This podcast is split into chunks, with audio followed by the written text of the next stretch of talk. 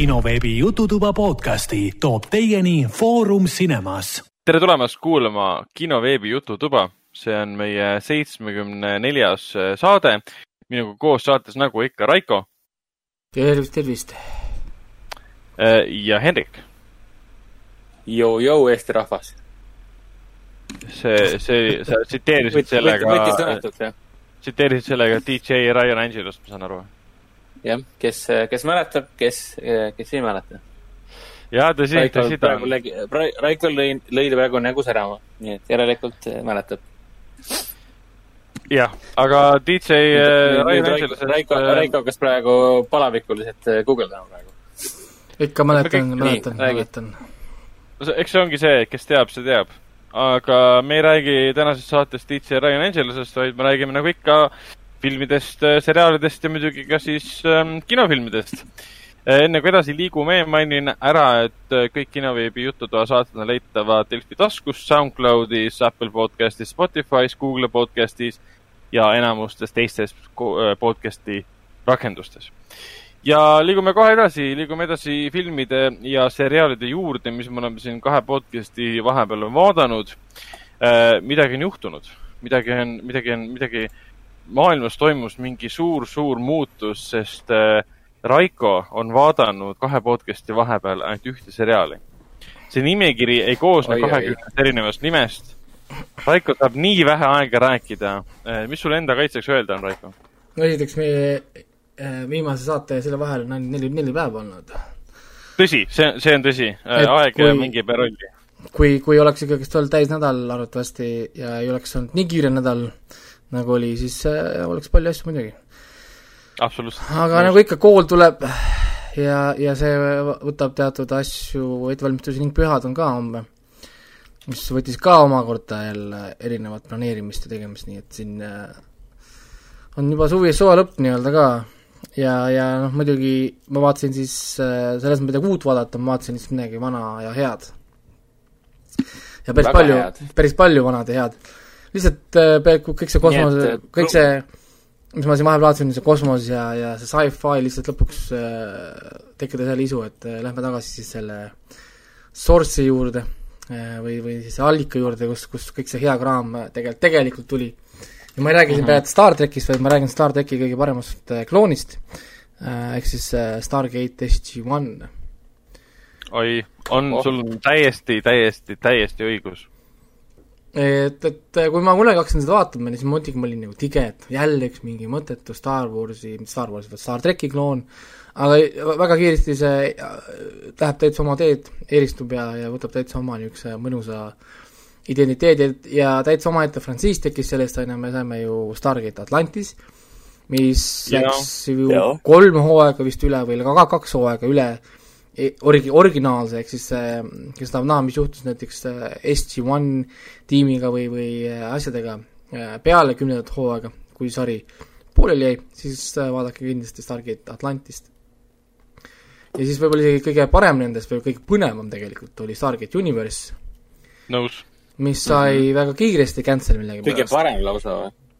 ma ei, ma ei tea, kas kõige parem, aga kõige põh-, müstilisem võib-olla sest kõige rohkem niisugust suurt müsteeriumit ja lahendamata niisugust äh, asja ja hoopis teistsugune stiil no,, hoopis teistsugune uni, tempo univers, Universi suurim, suurim pluss oli see, et ta näitas väga hästi seda, et kuidas üks frantsiis võib nagu, nagu, nagu see on võib-olla halb sõna, aga täiskasvanulikumaks saada, nii-öelda.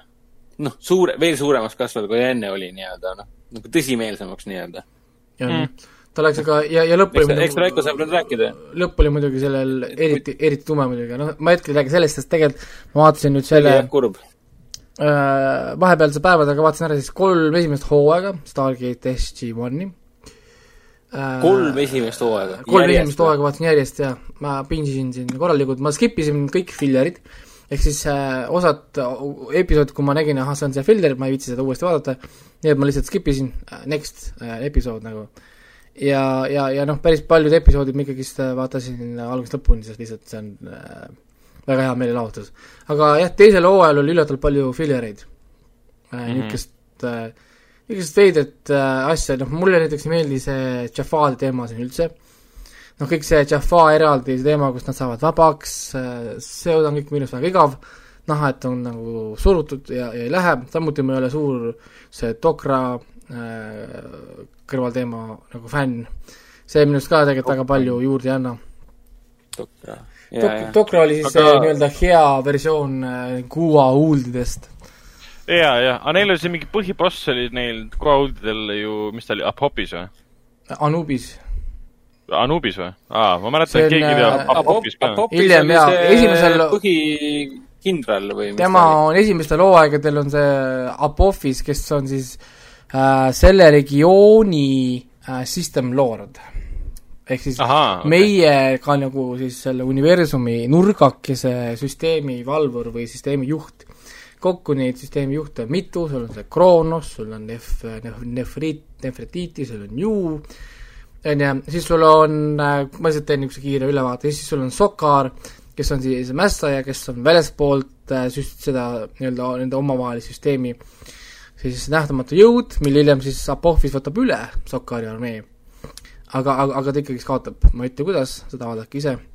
ja kõige suurem paha boss üldse Goa'uldidel siis, enne kui Goa'uldid lihtsalt hävitatud saavad äh, üldse lõpuks, on Anubis mm.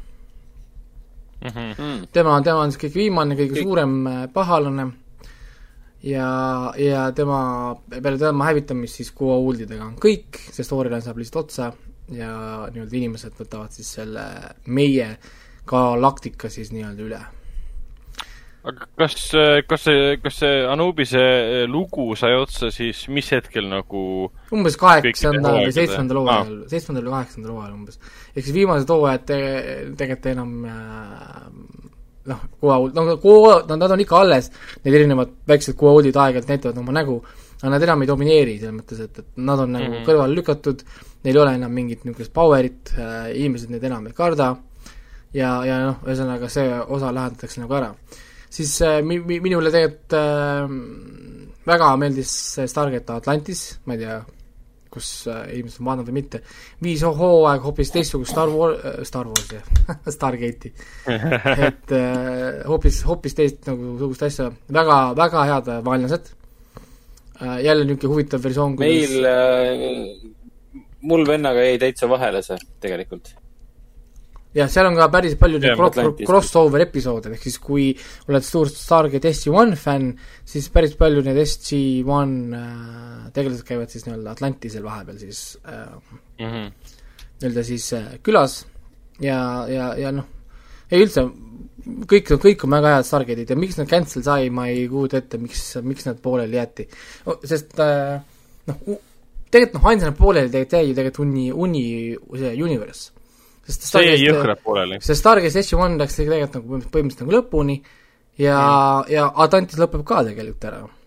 ma ei ütle, kuidas, ma, ma ei spoil'i, kuidas see lõpeb, aga tal on väga konkreetne lõpp, ta ise saab nagu läbi, ehk siis noh, need on nagu okei okay,, ma sellega ma olen nagu no, vähemalt rahul, et, et, et noh, mingi asi jäi nagu lahendamata või, või noh, nagu lihtsalt mingi katki.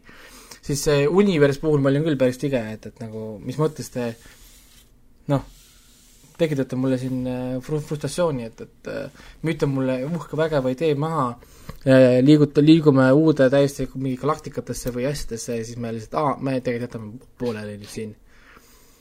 jah, sest teise hooaja kahekümnes episood, ma mäletan jah, see nagu avas täiesti uue peatüki järgmise hooajaga, mida kunagi ei tulnud ja ma olin väga-väga kurb. ja, ja no vahepeal ma olin siin suur ka, ma andsin oma hääli eri- erinevatel petitsioonidel siin äh, internetis, mis siis lubasid tagasi tuua seda veebivariantidena, komiksitena, mul oli ükskõik millisena, lihtsalt andke mulle see story, et mis edasi nagu saab. aga neid väga ei tulnudki äh,, mingi, mingi veider Star Wa-, see Kate'i mingi mini veebiseeries oli siin, mis tegelikult lõpuks äh, mis selle nimi oli? aa, selle- need Stargate'i filmid olid ka vahepeal, aga oli küll üks veebiseriaal, Stargate Conti-, Continuum ja no need on need, need on need kümnenda hooaja lõpu epi- e, e, episoodid, mis tehti pikaks filmiks, filmideks. aa, ja okei, ja ehk siis need tegelikult ei ole nagu mingi ekstra, vaid need on lihtsalt nagu pikad episoodid, noh nagu mitmeosalised nagu osad, mis tehti nagu film, nagu filmidena. et, et sa, sa ei saa tegelikult nagu väga juurde sealt mitte midagi, noh, see ei ole nagu no see ole nagu Star tracki mõttes filmid olid, Star, Star tracki filmid olid noh, nagu mingi väga spetsial eraldi, mingid suured story'd, siis seal seda ju päris ei ole, et no ta oli jah, pigem nagu lõpuepisood, aga ainuke, ainuke, mis oli nagu film äh, kogu selles seerias oli see Roland Emmerichi lavastatud üheksakümne neljanda aasta esimene Stargate. film, Stargate jah, nagu, et kus kus see kõik, kõik algas. see, mis alu, aluse pani kogu asjale aga kui nad selle filmi omal ajal tegid, et kas selle filmiga üldse, kui nad seda lõid või lavastasid parasjagu, produtseerisid, kas nad üldse mõtlesid selle peale, et see võiks tekitada seriaali või? mis oligi loodud nagu niisuguse piloodina nii-öelda, mis võiks tekitada huvi seriaali vastu? ma ei kujuta ette. pigem nagu ju, juhuslik vist või? ta nagu ei näe välja sellisena, et oleks tehtud nagu sarja, näiteks Hea nende filmid, mis näeb välja sellisena, et see on mõeldud äh, pilootepisoodiks, on see Nicolas Cage'i Next vist oli või? Liida Mahori film, see, kus ta nägi mingi viisteist sekundit oma tulevikku. ja mingi jah, mingi kaks minutit või ei, kaks sekundit või kaks minutit vist oli või mingi viis minutit vist oli. mingi väike kogus, mis ta näeb nagu ette, vaata, see oli tegelikult tehtud ju piloodina nagu sissejuhatus sarjale.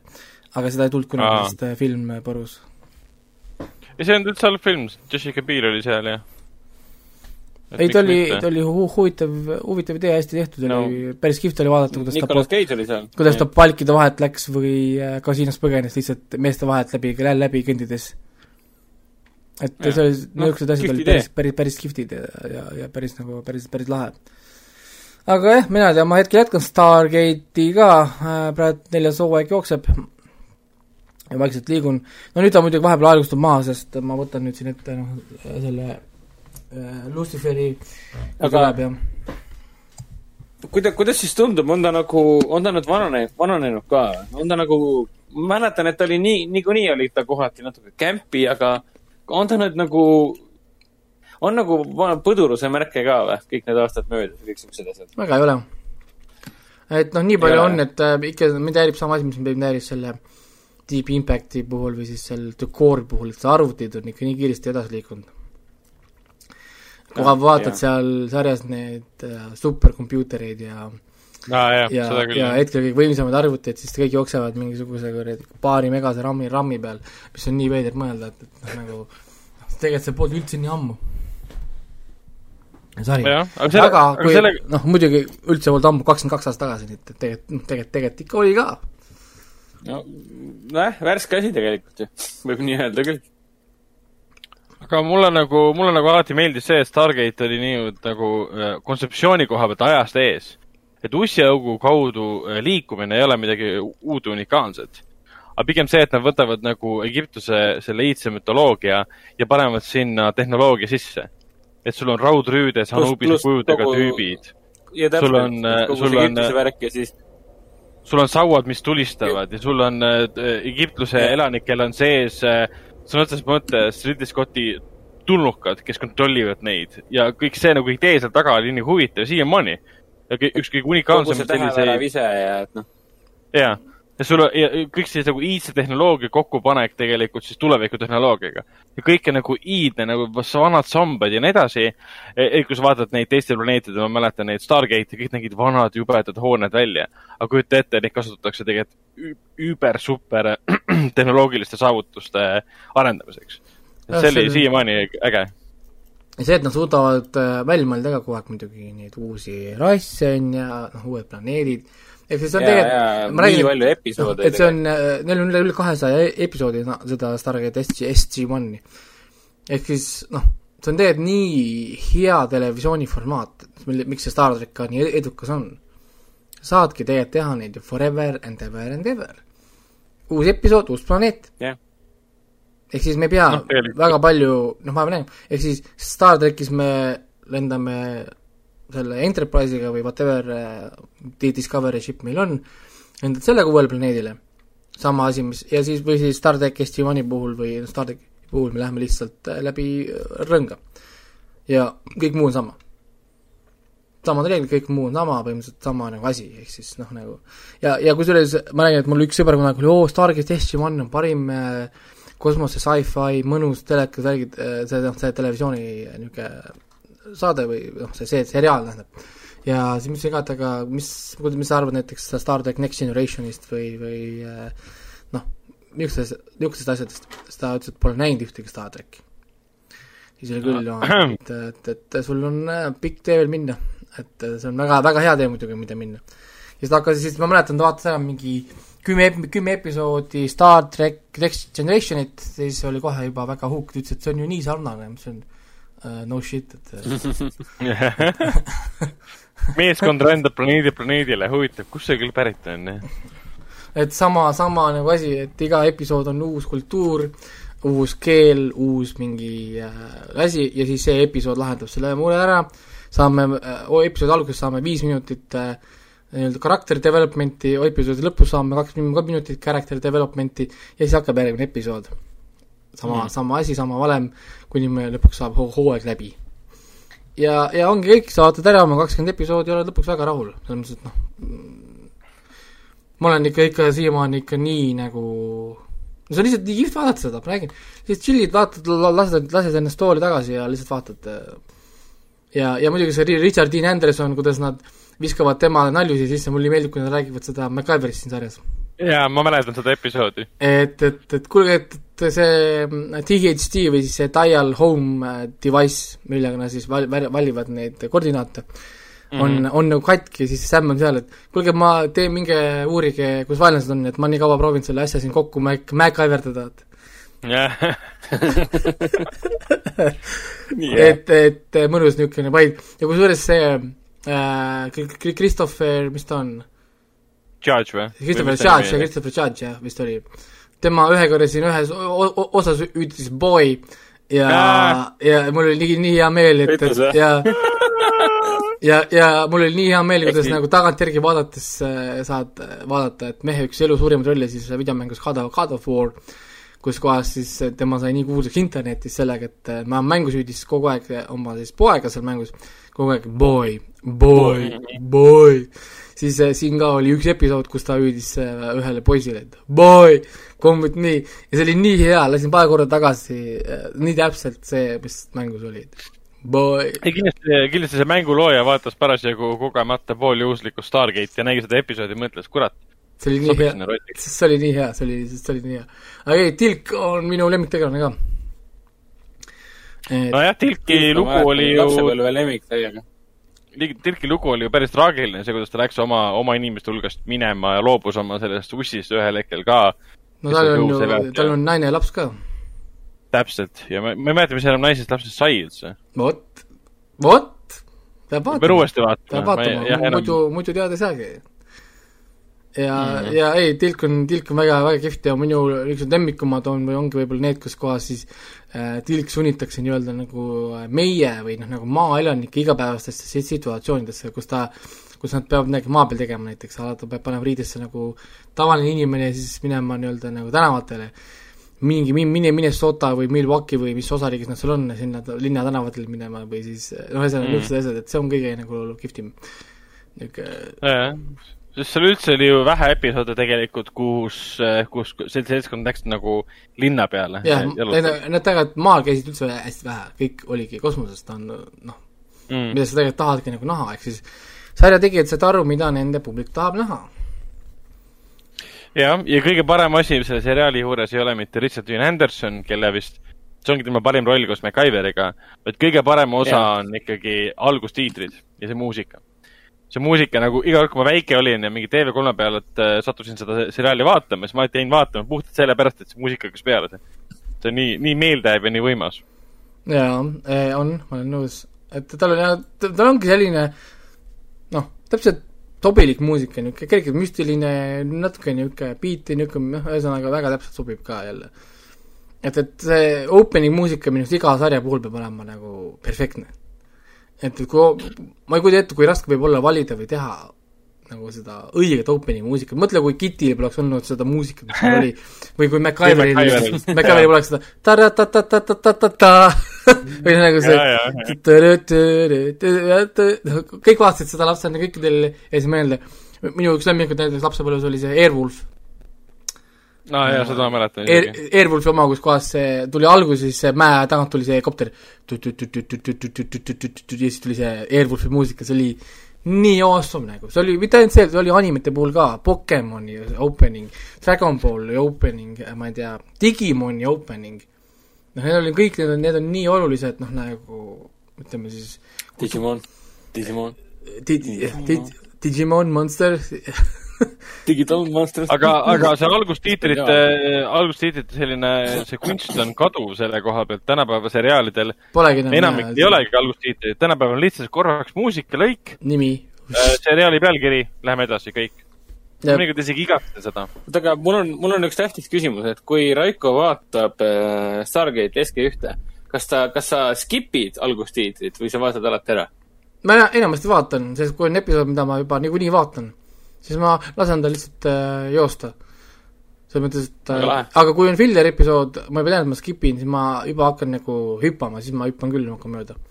siis ma tahan nagu näha, et kas siin tuleb midagi või, muidu või ei tule, et muidu vaatad algustiitrid ära mingi, ah, ma tahtsin seda skip ida, aga ah, ma vaatan ikka lõpuni. algustiitrid juba vaadatud. aga kui ma juba tean, et ma tahan on nagu tahan jama. osa vaadata, siis ma lihtsalt äh, lasen tal joosta ja, ja ongi kõik, ega ma siin muud ei tee. Aga jah, kui keegi tahab teada, kuidas vaadata Stargate SG-1-i, siis ta on Prime videos olemas, aga kahjuks mitte meie regioonis, ehk siis äh, sõber VPN tuleb jälle appi. jah, sõber VPN on viimasel ajal päris hea, hea tööriist siiski. VPN on ikka väga hea sõber. ta on põhimõtteliselt kohustuslik juba ja au- ausalt öeldes ma enamasti kakskümmend neli seitse juba hoian seda sees Ameerika peal. nii et äh, ma ei võta isegi seda väga nagu maha enam, sest mul pole põhjust seda väga maha võtta. Et veits on nagu kurb ja veits on nagu veider, aga noh, tegelikult on, sest äh, nii palju on suunatud siiski nagu nendele rohkem kui meile. Ja elu on näidanud, et meie, me saame samu asju, mis neil juba on, pluss nemad saavad rohkem, ehk siis äh, noh, eriti Prime video, Prime video puhul on see vahe kõige suurem, ütleme kui Netflixil on niisugune jagatud ära, et meil on oma asjad, neil on oma asjad, niisugused teatud viisid, siis Prime video annab ikka jõhkralt palju rohkem asju ameeriklastele, eriti kui sa tahad hakata rentima või vaadata nagu sellest laenutust, laenutustest asju, siis äh, on nii keeruline, kui sa oled Euroopas. oo, see film ei ole sulle, see film pole sul, pole, pole, pole, pole sulle, sul midagi ei ole sulle nagu. noh, mingit vana filmi ma tahtsin vaadata äh, mis filmi ma nüüd otsisin, ma otsisin äh, ühte seitsmekümne, korraks tuli mingi, mõtlesin, et vaataks ühte vana sci-fi filmi ja ma ei leidnud, leidnudki seda, ma lihtsalt ei leidnudki seda, et ma saaksin eurooplasena seda minna ja rentida. mm.. et ainukene koht äh, oligi VPN-iga said rentida ja siis muidugi said seda vaadata ka tasuta Prime videost, sest Prime videos kui sa paned Ameerika VPN-i peale, on sul muidugi kohe mingi neli korda rohkem filme ja, ja sarju ja, ja ühesõnaga jah, just enamus, mis on seal Amazonis nagu renditavad ja ostetavad, on tegelikult ameeriklaste jaoks lihtsalt see, et sa maksad kuutasu ja vaatad. et see on jah Selle koha pealt, jah, et niisugune, mis- et pole nagu aus Vanad..., ütleme siis nii. mm.. vanade filmide kogu pealt on Amazon selle koha pealt võidab, ilmselgelt. et jah, aga midagi, ega ma rohkem polegi vaadanud ja ja et noh, filmist räägime siis pärast, kui jõuame filmideni, et saate vahepeal rääkida sellest äh, Love, Lovecraftist. ja vaatasime, vaatasime HBO uue seriaali ära, Lovecraft äh, Country, mis jookseb vist kokku, ma vaatan, mis see number oli, kümme episoodi äkki või? äkki oli kümme, jah. Uh, miks ta mul ees ei ole ah,? ma võtsin hoopis Luciferi vahepeal ette uh,. igatahes esimene episood on väljas, igal siis Eesti aja järgi esmaspäeval peaks tulema umbes uus episood, esimene episood oli vist üle, natuke üle tunni aja pikk, mis mulle, mis mulle väga, väga meeldis uh,. ja kõige lahedam see, et esimese episoodi lavastas Jan De Mange, see on sama reisijal, kes tegi selle seitsmekümne, seitsmekümne ühe, vaata sellest uh, IRA võitlusest äh, Jack O'Connelliga peaosas ja tegi selle White Boy Ricki ka, mis vahepeal oli Netflixis, enam ei tea, kas on. see, kus Matthew McConaughey mängis äh, ühes, ühe, noh, peaosas siis tähendab. aga seriaal ise on äh, väga äge, mulle esimene episood äh, väga meeldis. selle koha pealt ta, ta on väga õigesti ajastatud, see seriaali olemasolu, kuigi see seriaal põhineb, põhineb sellel kahe tuhande kuueteistkümnenda aasta romaanil, mis nagu viitab sellele, et lihtsalt ajastuse puhul me räägime siis sellest, et millal otsustati see asi seriaaliks teha. aga mis parasjagu-, mida see tähendab, millest see tuleb?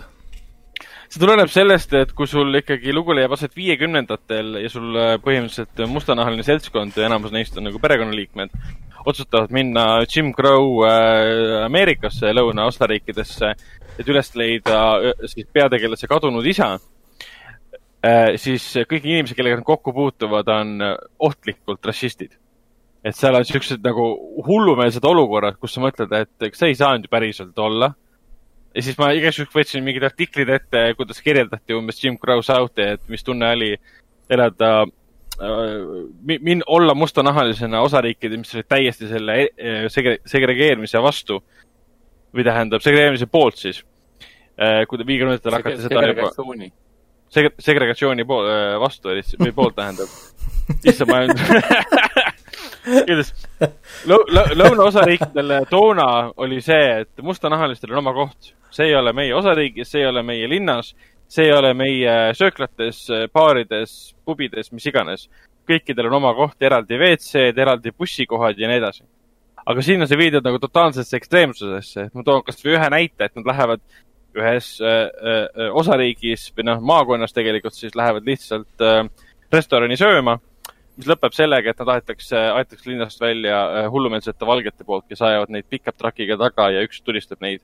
ja keegi nagu linnas mm -hmm. ise nagu ei pööra siiralt mingit tähelepanu, sest nende jaoks on see loogiline, et aetakse mustanahalised äh, linnast välja ja see on nagu üks osa sellest õudusest ja kuna pealkiri on Lovecraft Country, siis see tegelikult räägib otsesemalt ja siis kaudsemalt ja, ja ma ei taha spoilerdada Lovecrafti jõudusest.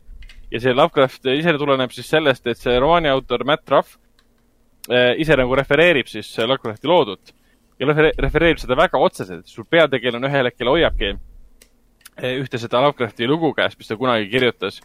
Lovecraft oli, on, noh, omal ajal oli selles mõttes väga tänapäeva võtmes rassistlike vaadetega ja tal oli ka üks lugu, mis ta kirjutas On the creation of niggers näiteks ja mida siis peategelane hoiab käes ka. ja peategelane toob väga huvitava asja välja, et tema, tema isa oli see, kes, eh, kellele meeldisid, meeldisid need palplood.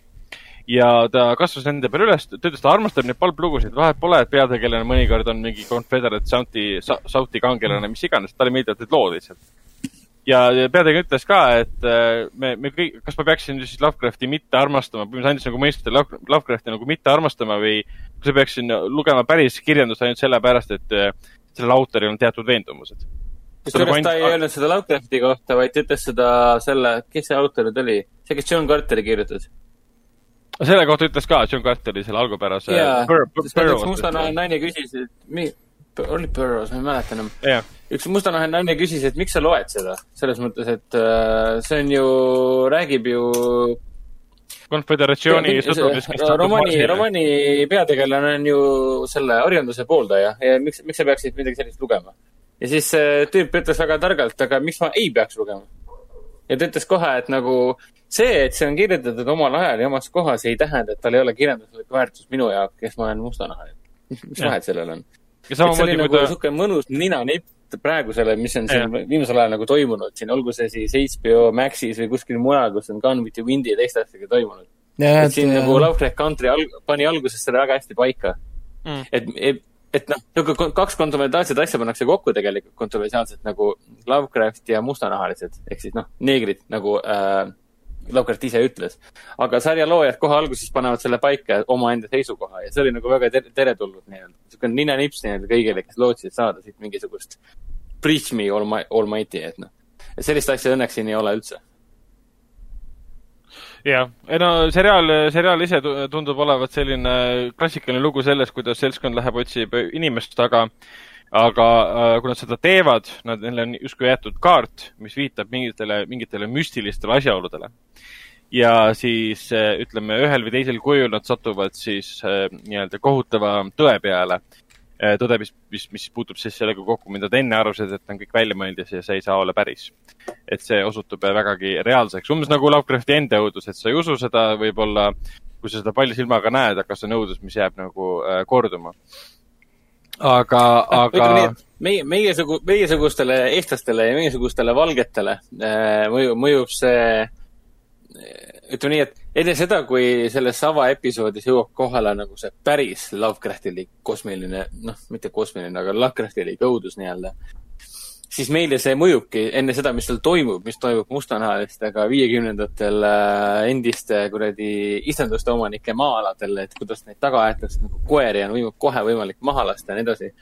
et see mõjub nagu täiesti nagu, nagu, nagu täiesti seletamatu äh, minu jaoks. et tõenäoliselt, kui ma räägiksin mõne mustanahalise ajaloolasega, küsiksin talt, et kuule, et nagu ma ei saa nagu ikka aru. ma saan nagu aru, aga ma ei mõista seda, seda viha nii-öelda mustanahaliste vastu, mis on või tollal oli ameeriklaste seas.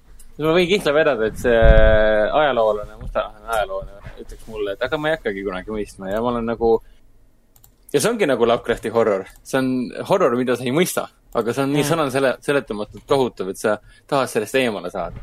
et see on päris kaval viis, kuidas nad seda asja kokku on pannud. see on jah, see, selles mõttes jah, et küll, et te kirjeldate küll nagu seda Black Lives Matter liikumist praegu seal Ameerikas, et et me saame varsti teha uue sarja siis va- vastupidi, et Lovecraft Country, aga nüüd on hoopis valged tegelased ja, ja nojah, näiteks. teistpidi valged tegelased aastast kaks tuhat kakskümmend, kus kohas valged ei tohi tänavatelt, tänavatele minna Mm.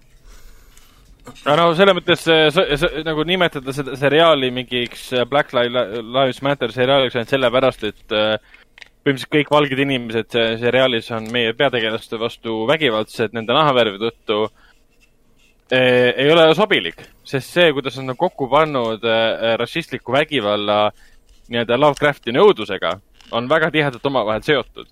See kõik on nagu üle võimendatud, nii õudus, mis puudutab, puudutab, puudutab siis reaalselt nagu horrorit, kui ka see horror siis reaalelus.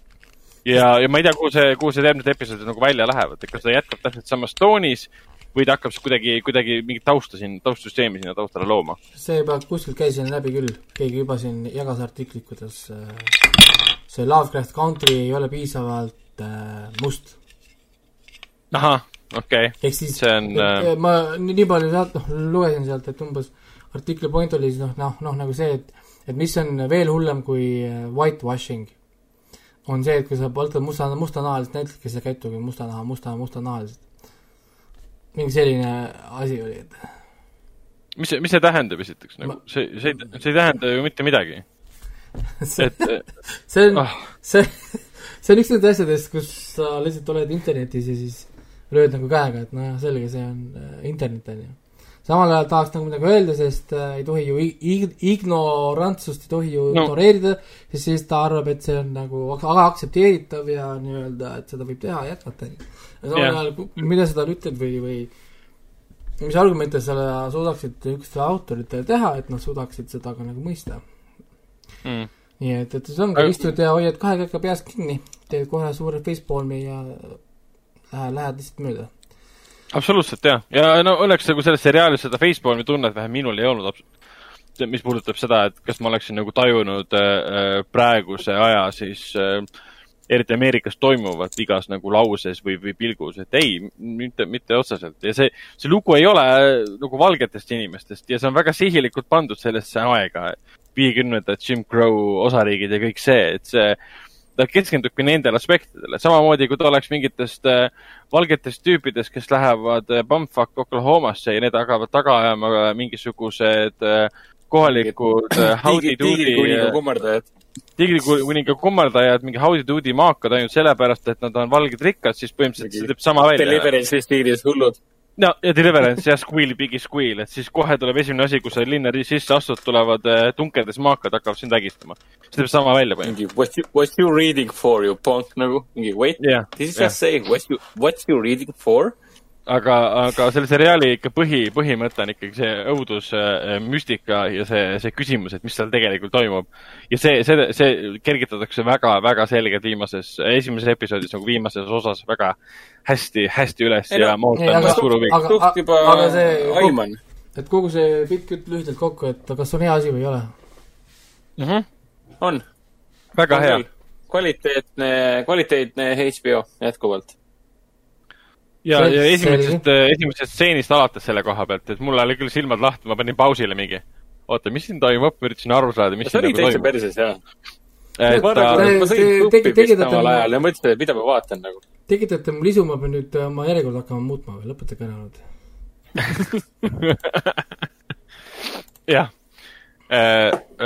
jah, aga jah, selles mõttes see- üll- üllatusi täis. see episoodi, episoodi algus on muidugi mõnus tillikas, ainult selleks, et tõmmata nagu publik äh, võimalikult hullult sisse endasse.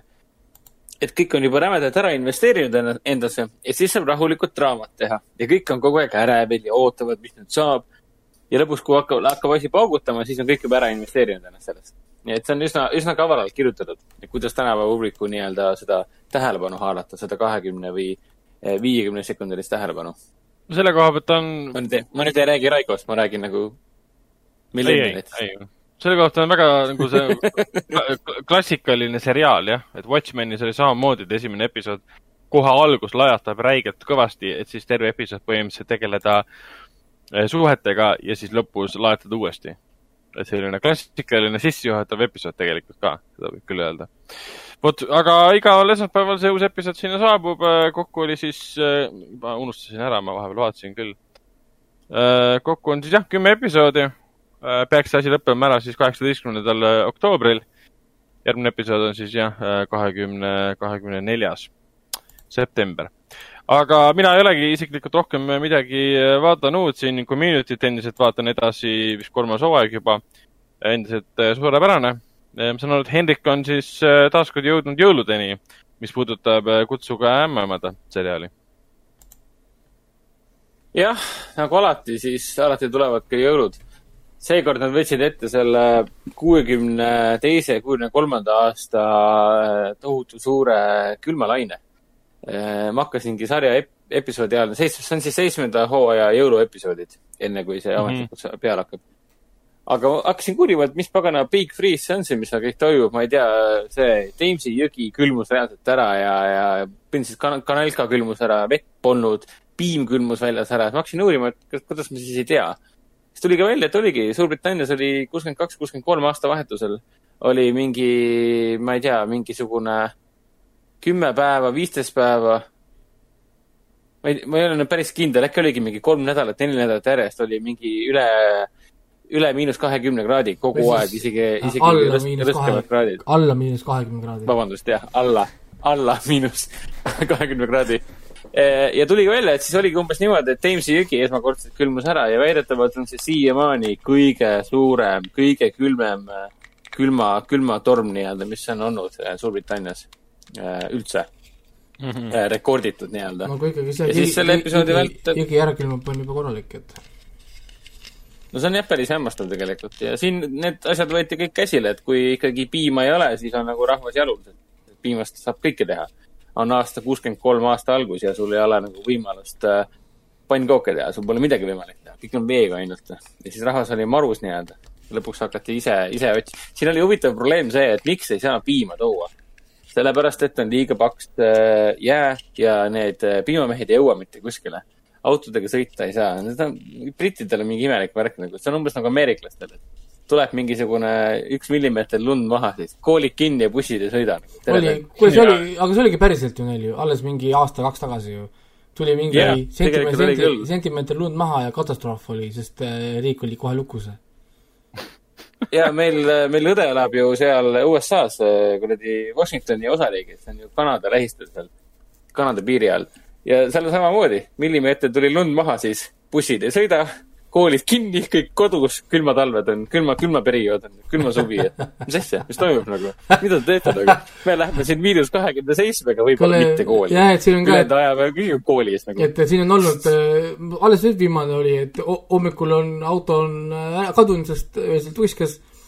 Mina ärkan ka kaks tundi varem, hakkan äh, autot kaevama välja, lükkan, aga, aga muudkui lund, kuni lapsed ärkavad üles, nemad äh, tulevad kaelani lume sees, kõnnivad läbi, läbi lume autosse ja lähme aga, noh. lähme aga lasteaeda. kaevame ennast välja ja lähme tööle, aga siin oli see, et äh, piima ei saa siis ei saanud ja rahvas oli marus ja läks kohe piimatööstuse ukse taha ja hakkas seal mässama lausa. et oli nagu mässu, peaaegu oli mäss käes, aga siis äh, üks ämmaemandatest leidis viisi, kuidas äh, mässu ära hoida. probleem oli selles, et pole piima mitte kuskile panna. et neil olid need äh, piimapurgid ju, mis sa jätad ukse taha, kui on tühi ja hommikul tuuakse sulle uus aga lumi tuli maha ja kõik piimapurgid, mis kunagi kellelgi olid, olid lume all ehk siis kadunud ja keegi ei tea, kus nad on. ja siis üks ämmaemand organiseeris oma skaudiklubi põhimõtteliselt, tema on see skaudijuht nii-öelda, rühmajuht. Organiseeris nagu heategevuskorras oma äh, skaudi, skaudikesed, noored väiksed lapsed ja läksid koos mööda linna peale Pop-, Poplari kandis, siis läksid otsima neid äh, samuseid äh, piimapurke ja leiti kõik ülesse, inimesed said jälle piima juua. selles seisnes probleem. aga siin oli vähemalt see ära toodud ka, vaata, et ini, ini, ini, inimesed tulid reaalselt piim, piima, piimamajja tulid reaalselt omaenda ämbriga. ütlesid, et pane mulle piim siia sisse, milles probleem on. aga siis öeldi seda, et kuule, sa riskid põhimõtteliselt nagu äh, sellega, et seal on, sul on nagu contaminated beam ehk siis sa riskid omaenda kuradi tervise, oma laste elu ja tervisega. kui sa paned äh, puhastamata kuradi asja, kus sul on solk sees olnud, sul on, ma ei tea, kartulikoored sees olnud, sa paned sinna piima sisse. siin oli sihuke loogika tehtud, et miks ei saa midagi muud kasutada. et jah, sihukene, sihuke korralik so- sotsdraama nii-öelda. Üha enam tundub, et see- see, et, et see Call of, Call of, Call of the Midwife on ikkagi korralik sihuke süda, südameasja teistsugune versioon, ütleme nii. ongi, ongi selles mõttes. kui südameasi Aga- oli siukene vaik-, vaikne ühes kohas kinni siukene, siukene seep, kus olid kohati lollid, aga väga armastusväärsed inimesed, siis see tundub, kus on väga, kuidas öelda, vastutust täis inimesed, siis nad tegelevad reaalselt inimeste eludega. siin on Oh. ja kusjuures seoses südameasjaga, et see Heartbeat siis, mis ETV-st, oli vist ETV-st, jooksis päris pikalt ka. sellega oli alguses, täitsa alguses see Call, Call the Midwife'i Kutsuge ämmemad alguses oli väga palju sarnasusi. et siin oli ka üks kindel tüüp, kes kogu aeg sahkerdab, teeb mingeid äriskeeme ja on sihuke tüüp, kelle kõik äriskeemid lähevad läbi, ei pea vett ja ta kogu aeg kannatab ja ometigi need alguses tunduvad briljantsed ideed. Tal olid samasugune teema, samasugune karakter, aga õnneks see muutus üsna kiiresti ja, ja see ei jäänud korduvaks elemendiks. ja kusjuures see, see tegel-, selle tegelase nimi on Fred Buckle ja me avastasin, avastasime eile õhtul, et äh, selle, selle tüübi näitleja, selle, selle tegelase näitleja, temaga on huvitav teema see, et ta on oma perekonnanime vahepeal muutnud. aga miks? sellepärast, et ta noore poisi, poisina osales äh, Inglismaal pangaröövis ja istus mitu aastat vangis selle eest. ja siis ta vahetas oma perekonnanime ära ja hakkas näitlejaks nagu. mis on nagu eriti hullumeelne lugu.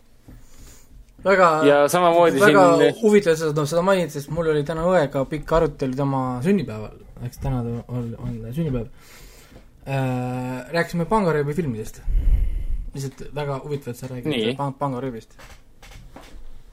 nii, see kas te äh, leidsite midagi sellist, mida, ikka, ikka leidsime, siis tema lihtsalt mainis, et tema on suur kinoveebi kuulaja, ehk siis äh, tõenäoliselt ta peaks Oo, kuulma, kuulma seda nüüd. ja siis ta küsis minu käest, et miks tema pole ühte korda saanud tulla saatesse rääkima, sest ta vaatab nii palju asju, ta vaatab nii palju head kraami ja me ei räägi üldse nendest asjadest, millest, mida tema vaatab. aga me ei saagi kõikide, kõikide inimeste, inimeste nagu soovide järgi öö, oma muljeid mugandada ka ju. Me ei vaata samu asju, me ei vaata sarnaseid asju tihtipeale, kuigi me võiks tegelikult öö, vastu tulla kuulajatele ja, ja meelega vaadata asju, mida meile konkreetselt soovitatakse. tegelikult. et lihtsalt vaadata, kas, kas, kas meile meeldivad need asjad, mida meie kuulajad kusjuures äh, tegelikult äh, võiks ju, või võiks teha midagi sellist, et mina, mina annan teile midagi, mida te peate vaatama ja siis te annate mulle midagi. kuule, kuule, see on päris hea, päris hea idee, kuigi me vaatame enamjaolt väga sarnaseid asju. tegelikult, tegelikult, tegelikult ei vaata ju sa- sarnaseid asju, et eh, mis meil on sarnased, teatud uued asjad võib-olla ainult. aga muudel juhtudel me ju ikkagist lähme väga erinevat teed pidi, et Ah, okei okay,, siis, et Raiko peaks vaatama hakkama siis äh, Cold Midwife'i. no näiteks ja, ja siis ma, ma leian teile, teile yeah. midagi niisugust äh, mida mina olen palju vaadanud, aga ma tean, et teie kindlasti pole veel vaadanud. äh, sest Raikole on ju äh, vabandust, et ma niimoodi ütlen, aga sünnitavad naised on ju tuttav teema, nii et see sari peaks nagu väga kodune olema. jah, kohe, kohe on, läheb teemaks, võib-olla homme, võib-olla ülehomme, võib-olla nädala pärast, ma ei tea, millal. ma, ma, ma tunnen ennast nagu noor isa seda kuuldes praegu. käed juba värisevad ja higi voolab, see ei ole lihtsalt palavus, see on lihtsalt see, see on põnev, see on põnev närvilis-, närvilisus higi. kui reaalselt see on väga hirmutav nagu. mina kardan sünnitusi palju rohkem mm -hmm. kui mul naine. see on huvitav väide. ei on, ei päriselt.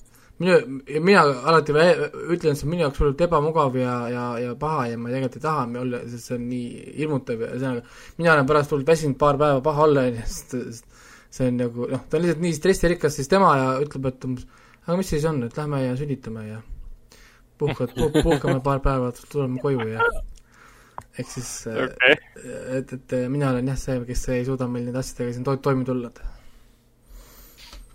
No selge. no täiesti arusaadav tegelikult.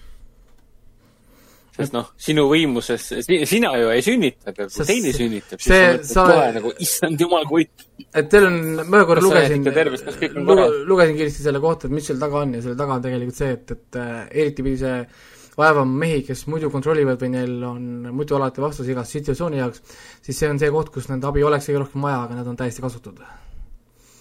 siis sellel on Nojah, mingid psühholoogilised tagajärjed. Sest sõna otseses mõttes sul ei ole midagi teha. nojah, aga nüüd olekski vaja ju, sest nüüd pea, olekski vaja, et sa midagi teed, aga sa ei oska mitte midagi teha või sa oled täiesti lihtsalt, lihtsalt kasutu sõna otseses mõttes, mida see sõna kõike tähendab. lihtsalt nagu sa isegi raiskad hapnikku, noh, saad aru, eks kui sa lähed sinna ruumi niisama tšillima, siis sa lihtsalt raiskad hapnikku seal ruumis. aga vahel lihtsalt aitab, nagu ma olen aru saanud, aitab lihtsalt see, kui sa oled kohal. eksisteerid samas ruumis. ja eks see ongi sinu ainukene pluss seal kõrval, lihtsalt yeah. eksisteerid. aga niimoodi see käib. aga mis sul veel oli, sa vaatasid ära, mis sul oli I may destroy you või? jaa, see on HBO-st, see on selle äh, Briti, Briti, Briti, Brit-, Briti Michaela Cole'i loodud ja kirjutatud ja näideldud äh, seriaal äh,, mis HBO-s jookseb, et see Michaela Cole olevat nagu niisugune tunnustatud inimene äh, Briti, Briti tele, telemaastikul, kes nii-öelda tänapäeva noorte äh, maailma toob äh, nii-öelda teleekraanile. et My, My May Destroy You on siis kas ma olen rääkinud sellest siin saates või ei ole? paar saadet tagasi kindlasti oled maininud. ja, et ma nüüd lõpuks eh, vahetult enne podcast'i algust mõtlesin, et oh sa raisk. Et see on täiesti vaatamata, et kaksteist episoodi on kokku ja alles praegu jõudsin neljandani, et siin on ju kakskümmend üheksa minutit episoodid, et noh. mis mul viga on, miks ma ei jõua kuidagi oma asjadega lõpuni. aga ega ma pikalt sellest, sellele ei peatu, aga ma soovitan seda vaadata neil, kellele meeldivad siuksed eh, psühholoogilised tänapäevased äh, niisugused vimka, vimkaga draamad. et see peategelane on kohati väga niisugune äh,, niisugune närviline, hästi tänapäevases mõttes väga-väga närviline. klubitaja ja sotsiaalmeedia staar ja, ja loomulikult ta satub suuremat sorti tema elu murdva probleemi ette ja ta püüab seda lahendada. et sarja, sarja keskmes on siis äh, põhimõtteliselt, põhimõtteliselt, kuidas see eesti keeles on äh,? no see on, oota, ma mõtlen nüüd, see on põhimõtteliselt see, mis on ka Eestis ka toimunud, et kui äh, naine klubis äh, uimastatakse ära ruufide või äh, mingi muu korgijoogi abil ja vägistatakse mm. -hmm. ja seda, seda siis peategelasega juhtubki tänapäevases Londonis. ja kogu, kogu hooaeg siis keskendub sellele, et ta püüab äh, puslet kokku panna. sest see oli nii võigas äh,, nii tugev korgijook, et tal reaalselt on mälulüngad ja ei tule mitte sittagi meelde ja kõik on kahtlusalused, kes tema ümber on.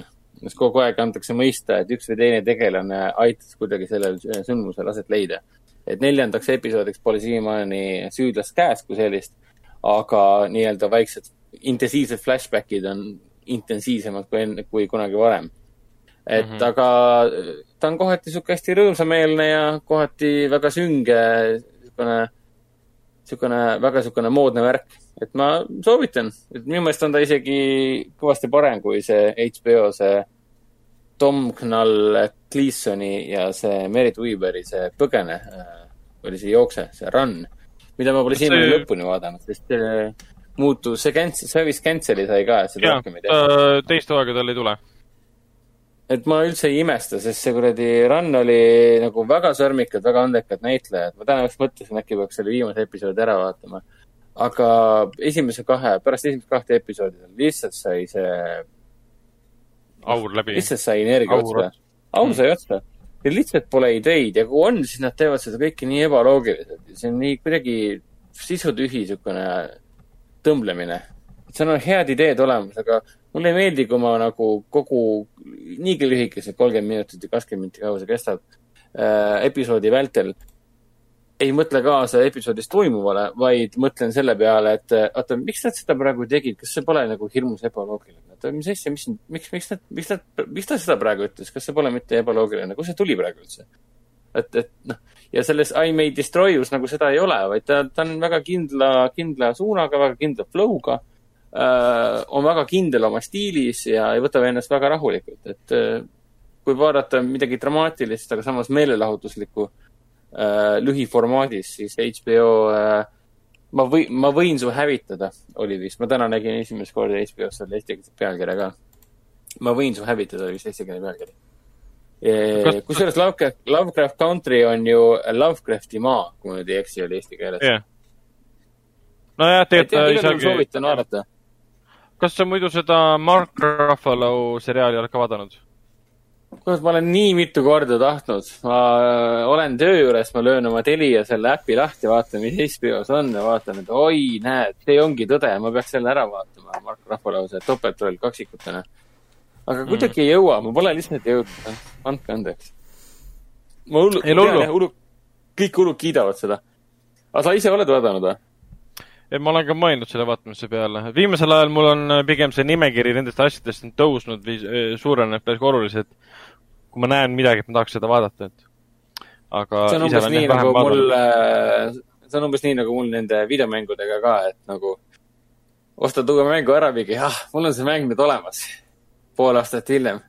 äkki peaks mängima seda kunagi või hmm.? nojah, siis ega jah, hakkan see, homme mängima. see on pool põhjus, aastat hiljem. nojah, siis. see on see põhjus, põhjus, miks ma ei võta ühte neid tasuta mänge enam vastu ka. ma lõpetasin mingi aasta aega tagasi enda vastuvõtmise ära, et, et mul on Steamis mingi kaheksasada viiskümmend mängu või ja, ja mul Petri peal ka mingi kaheksasada vist mängu või noh, mille jaoks ma võtan neid tasuta mänge, noh nagu noh, tasuta mänge ma võtaks hea meelega. jaa, aga mille jaoks? ma ei pea need alla ma ei- laadima, need jätan endale library'st. jaa, aga miks, noh, mida see, mis see, mida sa nagu sellest noh, nagu saad, et sa teed ainult seda, sa peedad ainult mänge, mida sa tegelikult tahad mängida, lõputusse jäi nimekirja. noh, nojah, aga lõpuks, aga lõpuks on see, et kui tekib mingisugune hetk, siis sa vaatad, et oi, mul on see asi olemas. aga, aga, aga tõenäoliselt see tuleb, seda ei ole, sellepärast et äh, sa saad, uued mängud tulevad kogu aeg nii palju peale, uut toodet tuleb nii palju peale. et kui sa mängid seda juba nüüd, siis tõenäoliselt sa ei mängi seda ka noh, mitte, mitte kunagi nagu hiljem. et filmide ja asjadega on nagu teistmoodi, sest film on poolteist tundi, fine, ma võin seda teha, on ju. veidi videomäng on viiskümmend tundi, sorry, ma, ma ei saa seda niisama lihtsalt kuskilt äh, välja võtta, vaata. et, et see on natukene teine teema, et, et filmide nendega ma saan aru, viskad kuskile listi ja vahepeal mul on mõni asi seal listis kümme aastat, kuni ma lõpuks seda vaatan ja siis olen natuke tige, et ma seda varem ei vaadanud. aga ma vähemalt vaatan, on ju. et, et jah, paraku on see nii mm. -hmm. aga, aga filmidega ka jätkame ja täpsemalt siis äh, kinofilmidega. siin nüüd kahekümne esimesel augustil ehk siis äh, reedest alustavad äh, Foorum Cinemas kinodes sellised äh, uued filmid nagu Staari äh, vari, Tesla, kus on siis, kus on siis Ethan Hawke väga huvitavas, huvitavas äh, rollis. siis tuleb ka jah, ja siis tuleb ka Ema lõvi eh, ehk siis Rogue, mille peaosas on Megan Fox, mis on tema jaoks esimene Maroli film, mille peaosas ta on. ta mängib siin sõna otseses mõttes, nagu ma põhjal aru sain,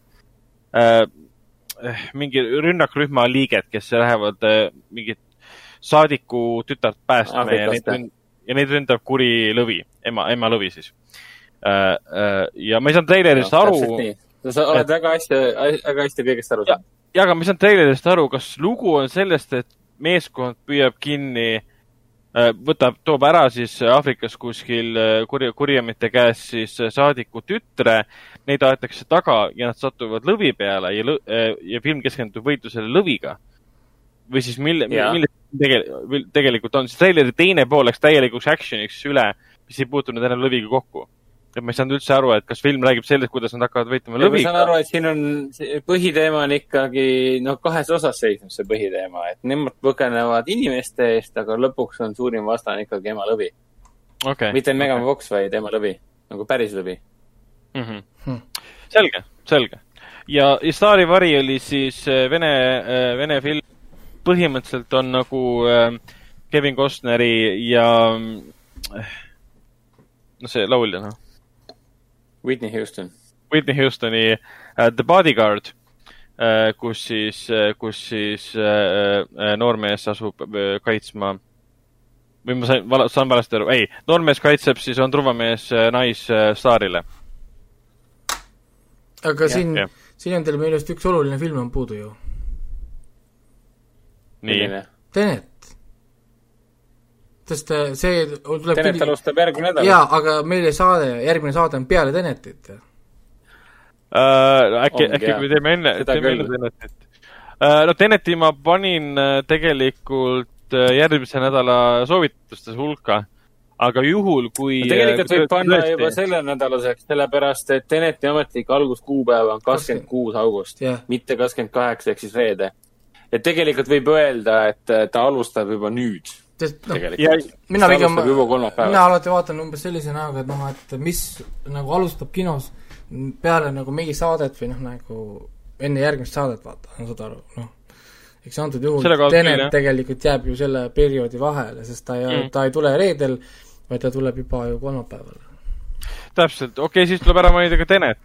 nüüd, kus, nüüd, kus Eesti kinodes anti luba, siis äh, ministeeriumi poolt, valitsuse poolt äh, müüa kõiki saale jälle, kinosaale jälle sada protsenti, siis äh, kõik need saalid, mis olid enne viiskümmend protsenti müüdud läbi juba, siis on inimestel taaskord võimalus endale kohti osta kokku, kui enne seda ei olnud.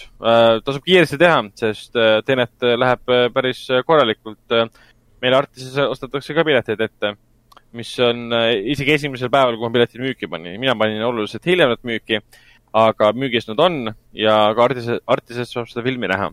sest Tenet, olgem ausad, linastub igal võimalikul Eesti ekraanil, kus vähegi on äh, kõlarid ja lina äh, tõenäoliselt. absoluutselt, sest see on kodumaine suur film, see on see on äh, tõenäoliselt Eesti, veel tähtsam film kui Tõde ja õigus. see on tõenäoliselt kõige populaarsem Eesti film jah, nii et äh, ja selle, selle koha pealt, selle koha pealt kindlasti äh,. Eesti film. aga lisaks alustavad siis, tuleb siis kahekümne esimesel augustil ju Foorum Cinemas kinodesse ka Andrei, Andrei Riu äh, maagiline Maastricht The Together in Music. mis see täpsemalt on, selle kohta võib, võib meile Hendrik äh, natukene rohkem detaile jagada. ja see on, see on nüüd Foorum Cinemas kinode igasuvine Andrei Rieu. Andrei Rieu on siis tuntud äh, Maastrichtist äh, pärit äh, tuntud viiuli viiuli virtu-, virtuoosiga, kes on ka siis tituleeritud valsikuningas. hästi maailmakuulus nagu äh, rändurmuusik, kes oma siis Johann Straussi orkestriga rändab kogu maailma ringi ja alati teeb ka siis oma kodulinnas Maastrichtis suure suvekontserdi ja meil on siis Foorum Cinemas kinodes saanud nagu traditsiooniks, et igal suvel äh, üldjuhul ka aastavahetuse äh, pa paiku ja ka siis igal suvel me näitame siis Maastrichti seda suvist kontsertit. seekord ka siis samamoodi. et siin Plaza's, Coca-Cola Plaza's siis kaks päeva järjest, laupäeval ja pühapäeval äh,. ekraanis laupäeval, tsentrumis Viljandis siis seal pühapäeval ja ekraanis ja tsentrumis on esmaspäeval siis kordustseen siis samamoodi et see on niisugune hästi rõõmukullane show, et siis äh, mängitakse ka tuntud poplugusid, aga eelkõige te tegeletakse ikkagi klassikaliste lugude taasesitamisega. jah, et ta on niisugune, ütleme nii, et äh, sobib absoluutselt igale vanuses, igale vanusele. et kes vähegi tunneb, et äh, tema elus on nagu puudu muusikat ja suve, siis äh, kino, kinouksed on iga, igal ajal, igal ajal avatud. Nonii, ja meil veel mainiks kindlasti ära, Teslat me juba mainisime, aga Artises alustab siis äh, peale Tesla kahekümne esimesel augustil ka Aadam, mis äh, on siis Casablancas, Casablancas, Casa, Casablancas aset leidev äh, ma ei tea, miks järsku lihtsalt tekkis mingi black lugu leiab aset siis Casablancas ja keskendub ootamatut äh,, ootamatut lapseootele jäänud vallalisele naisele mis on äh,, vallalise naise loole, mis on siis äh, eriti keeruline, kuna leiab aset äh, Araabia riigis. film ise oli eelmise aasta, eelmise PÖFFi siis äh, avafilm ja võitnud siin äh, hunnik auhindu ja eriti prestiižsetel festivalidel linastunud. soovitan kindlasti vaatama tulla, sest enne, ütleme enne Tenetit on veel viimane võimalus näha kinodes midagi muud peale Teneti, sest peale Tenetit on noh, ainult Tenet. Et äh, selline valik on. Tesla kohta kindlasti nii palju mainiks, et see äh, on väga, väga, väga huvitav film, lugesin ka intervjuud äh, režissööriga, kes väga pikalt rääkis sellest, kuidas tema, osaliselt tema eesmärk oligi luua võimalikult teistsugune biograafiline lugu. ja, ja kui vaadata klippe sellest filmist, lugeda selle kohta, vaadata pilte, treilereid ja nii edasi, siis ilmselgelt on näha, et ta on selle ülesandega tegelikult suurepäraselt hakkama saanud. ja, Ethan Hawke lihtsalt äh, vapustav karakter näitleja, ta on alahinnatud selle koha pealt, tal on hästi palju olnud äh, siukseid tüüprolle äh,. väga pikalt oli tuntud nende poolest, kuigi tal kunagi tõusis äh, särava tähena taevasse tänu, tänu Denzel Washingtonile ja, ja selle Anton Fuquale ja siis nende ühisele filmile, see Training Day ja nii edasi aga ta vahepeal kuidagi kadus orbiidilt ära, aga nüüd tegelikult ta on vaikselt üles ehitanud ennast äh, tänu just nendele eriti meelde jäävatele tugevatele rollidele. vot, aga sellised olid, on parim, kes suhtes. on uh,. sellised on filmid, mis tulevad kahekümne esimesel augustil. meie siin, meie siin uh, Hendrikuga käisime Artise filmilindi uh, päevadel, kus me siis uh, vaatasime, vaatasime ära äh, mõned filmid äh, filmilindi pealt. Mina keset tööpäeva vaatasin Virtuoosi, keset tööpäeva, selle all ma pean silmas äh, hommikul meil oli väärikate seanss, kus ma siis astusin, astusin, see oli siis nüüd kaheksateistkümnendal, see oli siis jah, teisipäevasel päeval astusin saali ja vaatasin, kuidas meie, meie väärikad vaatasid Virtuoosi ehk siis Out of the Cold'i. filmi lindi Mhm. pealt see nägi väga äge välja, kuigi vä- pilt oli puhas selles mõttes, sa isegi ei saa võib-olla aru aru, aru kohe, et see on lindi pealt, et äh, kuna ma vaatasin ka nii projektsiooniruumis äh, kui ka siis saalis vaatasin siis äh, kuningas, kuningas Liiri. noh, see oli väga, kuidas nüüd öelda, halvas äh, korras film, et iga kord, kui lint äh, äh, sõitis läbi äh, siis äh, projektorist, siis ma olin koos mehaanikuga sealsamas juures ja kuulsin kogu aeg neid plakse niimoodi plaks, plaks, plaks. ehk siis mingid, mingid kinnitused läksid läbi kohe, kui see läbi, läbi sõitis sealt. ja aga noh, see käibki asja juurde. mind siuke Jaa, asi noh., ma lähen, kui ma lähen filmilindi festivalile, siis ma eeldangi, et see lint läheb vahepeal katki. võib-olla tekib paus, võib-olla ei Jah. teki. oleksime, elaksime siin mingil vanal heal õndsal ajal, siis äkki kinomaja põleks maha, aga noh, tänapäeval seda just enam ei saa, Oh, oh, oh, sest põle niimoodi. see on kergelt, kergelt äh, must väike, väike must huumor, jah, et noh, meil tänapäeval seda meil juhtuda ei saa, et siin noh, täna, tänapäeval ei ole jah, ei kasutata mingit nitraati lindi tegemisel, et kui sinna leek peale läheb, siis eh, läheb nagu, nagu säraküünal õhku, et ainuke asi, mis võib juhtuda, on reaalselt sellest eh, lambist eh, tulenev kuumus, mis eh, tõesti võib lindi veits üles sulatada, aga see on väga harv, pigem juhtub see, nagu meil juhtus kuningas Liiriga kohe alguses esimese kahekümne minuti jooksul, et läkski lihtsalt plaksti katki, aga mehaanika on meil väga professionaalne. Ta pani nii kiiresti selle kokku, et keegi nagu publikust ei saanudki aru. et lihtsalt nemad nägid korraks, et korraks pilt läks eest ära, vajus eest ära, nägid võib-olla siis filmilindi neid ääri, aga kohe läks film tagasi peale. ja, ja selle filmi seitsmekümnenda aasta eh, siis Kuningas Liiri nagu pikkus on ka varieeruv aastatega. sest kui see, kui seda seitsmekümnendatel linastus ja lint on väga-väga vana, sealt on kogu aeg midagi parandatud. ehk siis, kui sa vaatad klippe sellest või noh, kaadrit sellest, sa näed, et seal on mõned kaadrid puudu, mis tegelikult tähendab seda, et seal ei ole enam kakskümmend neli kaadrit sekundis, seal on võib-olla mingi kakskümmend kaks, kakskümmend kolm, kakskümmend ja sa näed, kuidas teatud liigutused ka, kui näiteks tegelane liigub ühest kaadri otsast teise, sa näed, kuidas ta vahepeal skip ib niimoodi. sest lihtsalt mingid osad on katki läinud ja enam ei saa kasutada enam. aga see ongi see võlu, see ongi see võlu, mille pärast sa tuled filmilindi päevadele, miks sa tuled filmilindi pealt filmi vaatama. ja nüüd siin viimastel päevadel on hoopis teistsugused filmid selle koha pealt, et pole enam nii vanad võib-olla raskem on aru saada äh,, milline neist on siis äh, nagu lindi pealt, Virtuoos on kindlasti üks selline ja Tulpaan ja, ja Coco ja siin tänasel alustamise päeval oli siis ka Coco enne Chanel'i, mida ma vaatasin enne podcast'ile tulekut.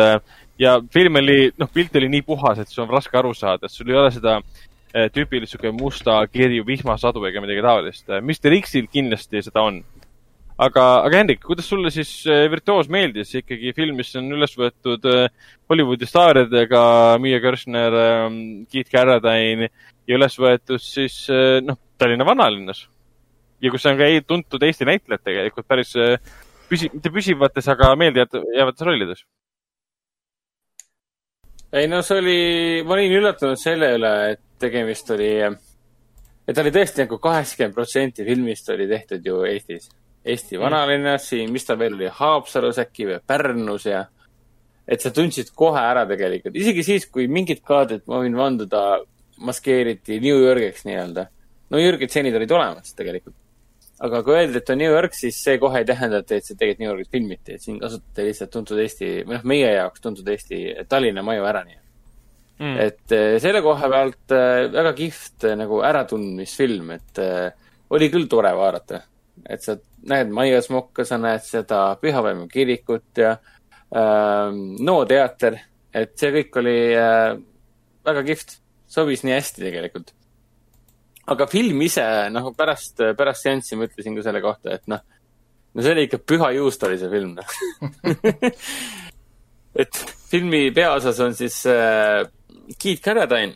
noh, ma olen niisugune, vaata, noor inimene, mina tean Keith Carradine'i tõesti ainult tänu, tänu äh, The Big Bang Theory'le, kus ta mängis siis äh, Benny, Benny isa. aga tegelikult ta oli ju Deadwoodis mänginud ja siin äh, Nashville'is, äh, mille eest ta vist, ta sai ka Oscari äkki või mm? -hmm. ta oli, Nashville'is oli ta peaosas. kas ta Oscari sai? jah, ta esitas selle laulu seal, I am easy, ta sai selle laulu eest Oscari reaalselt. aga noh, ma olen noor ja loll, mina teadsin, tean teda reaalselt ainult tänu äh, Big Bang Theory'le. ja kõige naljakam oli ka see, et ühte teist põhitegelast äh, mängis äh, Chad Hirsch või? kus ta siin on? aa, jaa, Chad Hirsch. ja, ja Chad Hirsch mängib Big Bang Theory's äh, seda Leonardi isa. ehk siis me olime seansil äh,, vaatasime, et aga mis, kuule, mis Big Bang Theory reunion siin praegu toimub praegu. on täiesti nagu harukordne, et noh, hea, et ma telefoni välja ei võtnud ja kontrollima. aga igatahes äh, Keith Carradine mängib siis seda step-tantsijat New Yorgis aga ta on tegelikult elus läbi põrunud, karjääris läbi põrunud, tal ei ole midagi jäänud aga tema ema on siis Linde, Lindepuu nimeline, eks tema ema on eestlane, ta on Eestist pärit. aga nagu poeg on ameeriklane, ta ei äh,, jah, põhim-, ei, ta oli vist e,, tegelikult päris nimi oli e, Elisa või Elsa või midagi taolist. Elsa vist ei olnud ikkagi päris, liiga saksa ei saa olla. Elsa Lindepuu äh, ja, ja põhimõtteliselt ja siis ta saabki eluvõimaluse, et tuleb Chad Hirst tema juurde, kuule, aga tule Eestisse. Äh, meil on seal kabaree olemas, et tule step-tantsu tegema ja sa oled ju maailmakuulus või noh, Eesti mõistes oled sa maailmakuulus ja elu läheb ülesmäge, et ta saab Eestis, väikses Eestis on ta jumala populaarne aga oi näe, natsid on ju sees. aasta on nelikümmend. natsid on ju sees ja siis äh, natsid keeravad siis selle, mis ta oli, Dan Scott oli ta nimi vist või? Jah, Dan Scott, stepitantsija, step-tantsi, tantsija äh,, Dan Scotti elu keeravad siis pea peale ja loomulikult tulevad ka, tuleb ka No Delete sisse. ehk siis see on kogu see film, ehk inglise keeles on ta Out of the Cold. ehk siis ta põhimõtteliselt kogu idee seisneb selles, et mis siis juhtus, kui äh, ameeriklane läheb neljakümnendate alguses siis äh, Eestisse ja satub kahe võõrvõimu küüsi lõpuks ta muidugi satub ka Siberisse ja, ja nagu eepiline lugu sellest, kuidas ameeriklane elab üle selle, mida nagu meie justkui siin elasime. et noh, klassikaline Hollywoodi film, ta tegelikult on telefilm, ta ei ole isegi, ta ei ole isegi kinofilm. ja minu teada ta USA-s ei olnud ka väga tuntud film. et noh, siin on väga suured näitlejad tegelikult peaosas, meil on siin Keith Carradine, meil on siin äh, Brian Dennehy näiteks, Chad Hirst Need on ikka väga tuntud näitlejad, kes siin mängivad. aga, aga, aga noh, film ise oli näha, et ta oli nagu kohati ikka väga juust. selle koha pealt, et on sihuke liht-, lihtsad loogikad olid siin sisse pandud. kui vaja teha juustusdraamat, siis davai, teeme ära juustu, juustuse draama. kui on vaja, vaja teha mingi neljakümne viie aastase ja kahekümne aasta, aastase vahel kirglik armastuslugu, davai, teeme ära. paneme beebi ka taha, davai, beebi on olemas et noh, kui ikkagi tunded lähe-, tunded sisse tulid, siis tunded läksid ikka väga suureks. filmi lõpp oli umbes niimoodi, et oh jumal hoia. et tooge mulle see juustu, juustu see ämber, et ma valan selle iseendale pähe. kas filmi lõpus olid eh, Aga näitlejatel suuremad tunded kui Rong Busanis eh, kahe lõpus? Siin, siin nad olid usut-, usu-, usutavamad tunded kui Busan kahe lõpus, jah, seda küll. seda okay. ma ei saa öelda, et ta tüütu oleks olnud, et erinevalt Busan kahest siin äh, virtuoosis see draama nagu tüütuks ei näinud. aga samas äh, ta oli niisugune elurõõmus film, et see Dan Scott, äh, see, ta on ikka ülbe niisugune äh, alkoholi trimpav, liiga palju trimpav äh, niisugune äh, meelitaja ja keelitaja, niisugune playboy ja ilgelt tüütu ja tegelikult enesekeskne ja vastik tüüp nii-öelda. kellele siis langeb see pasarahe kõik kaela natsidelt ja, ja ähm, venelastelt Nõukogude Liidult. et noh, ta on suur seiklus, ta on suur seiklusfilm, eepiline film nii-öelda. et äh, ta on küll lihtne, aga ta on, ta on tore vaatamine ja siin muidugi, ega ta nüüd ajalooliselt väga täpne ei ole, et siin tehakse väga palju mugandusi, juba, juba see üks põhiline asi, et kõik räägivad fucking inglise keeles. ma saan aru, see on USA film ja puha, aga lihtsalt kõik Eestis räägivad inglise keeles. tuleta mulle meelde, mul on, mul on nagu raskusi meelde tuletada, mis on selle naisnäitleja nimi, kes mängis seda õde seal arsti juures? see väga tuntud näo, äratuntava näoga, ilmselgelt äratuntav Anne näoga., Anne, Anne Paluver. jah, täpselt jah, et äh, mina sattusin Jaa. just selle stseeni peale hommikul, kui ma vaatasin. Ja Anne Valuver on tõesti üks ainuke inimene maailmas, kes seda nagu kaugelt juba mäletada ja tunned, tunned absoluutselt kohe ta ära. et siin jah, siin ongi see, et on selle poolest ka kuulus, et kui nad seda siin filmi siin Eestis filmisid äh, üheksakümne kaheksandal, üheksakümne seitsmendal aastal toimus äkki filmimine ja kinomajas üks äh, tuttav sõber näitas ka, tal oli pilet reaalselt olemas, ta ise käis üheksakümne, kaks tuhat üks vist jõudis lõpuks filmi Eestisse, hästi Mm. suure hilinemisega. Vaatas siis äh, filmi ära kinomajas ka, et siis oligi see et aeg, et aastal kaks tuhat üks ja suured Hollywoodi näitlejad reaalselt, need, kes siinsamas osalesid, tulid reaalselt väiksesse Eestisse ka nagu esikatele ja tuulisid, tuulasid ringi mööda kinomaja. enamik eestlasi üldse ei teadnudki, kes nad on. ja see ka, et siin näiteks äh, Konstantin Päts oli filmis täitsa olemas äh,. ja muidugi see, et nagu tuntud Eesti näitlejad on siin muidugi väga siukesest minimaalsetes rollides. aga siin äh, Pätsi, kurat, ma ei mäleta, kes Pätsi mängis, see oli see. no Ain Lutsepp mängis? Ain Lutsepp ju ta ju ei Jaa, mänginud Pätsi, ta mängis äh, ta mängis Pätsi ennast. okei okay., nii. ma olen päris kindel, et ta mängis Pätsi selles suhtes. Et see oli, see oli väga kihvt. et nad reaalselt nägid, pingutasid selle nimel, et nagu see Eesti nii-öelda Hollywoodi ajalugu oleks nähtav ja oleks eestlastega tehtud. et ei olnud nii, et tullakse rääkima siin, ma ei tea, inglise keeles Eesti ajaloost ja nii edasi, et kui on ikkagi Eesti mingi ajaloo suured sündmused, siis toimus ikkagi eesti keeles Eesti näitlejatega et päris kihvt oli seda vaadata, et see Tutkit, Tenet ei ole mingisugune Eesti film võrreldes äh, Out of the Goldiga ehk siis Virtuoosiga. virtuoos on ligi, ma pärast vaatasin seda filmitegijate nimekirja ka, mis filmi lõpus oli. issand jumal, kui palju eestlasi siin oli. siin on väga tuntud inimesi, siin on nagu Ilmar Taska ja, ja Puustusmaa ja, ja isegi Lee Pulk oli siin casting'u eest osale, vastutas näiteks ja väga palju eestlasi osales, otse, sõna otseses mõttes osales produktsioonis äh, väga tähtsatel kohtadel rollidel. et mm -hmm. kihvt film, aga ei tasu seda filmi tõsiselt võtta. ta on, pigem on ta niisugune lõbus ja niisugune natukene napakas vaatamine. et kui siin äh, näiteks seda väidet, see on, IMDB-s on kirjas, et ameeriklane abiellub eestlasega. no tegelikult see eestlane ei olnud siin mingi eestlane, see oli lihtsalt mingisugune ma ei tea, mingisugune veidral moel mingi baltisakslase tütar, keda mängis siis äh, Miia Kirchner äh,. hästi ilus noor naisterahvas, kes ei olegi nagu karjääri poolest nagu väga, noh. aa, ei, tegelikult on äh,. Raiko on ju näinud seda Star track Discovery't, eks. jah, ja Miia Kirchner, Kirchner mängib seal äh, Amanda Graysonit on ja, tema noores peas mängis siis. ta on päris vana. et ta on, milline ta noorena oli, ma, Kirchner on Kirchner sündis seitsmekümne viiendal aastal aa siis ta ei olegi nii vana ju. ja ta noorem, noorena ta nägi jah, niisugune baltisaksa ja eestlase, eestlase segu midagi taolist. ta on siin vahepeal näidanud küll äh,, Defiance'is mängis näiteks ja äh, vampiiripäevikutes ja mingid asjad veel. kahekümne neljas kusjuures mängis, mäletate seda ägedat seriaali? kedagi, kedagi Mandit mängis äh, neljandas hooajas. ega ma seda ise ka ei mäleta enam. nii kaugele ei jõudnudki sellega.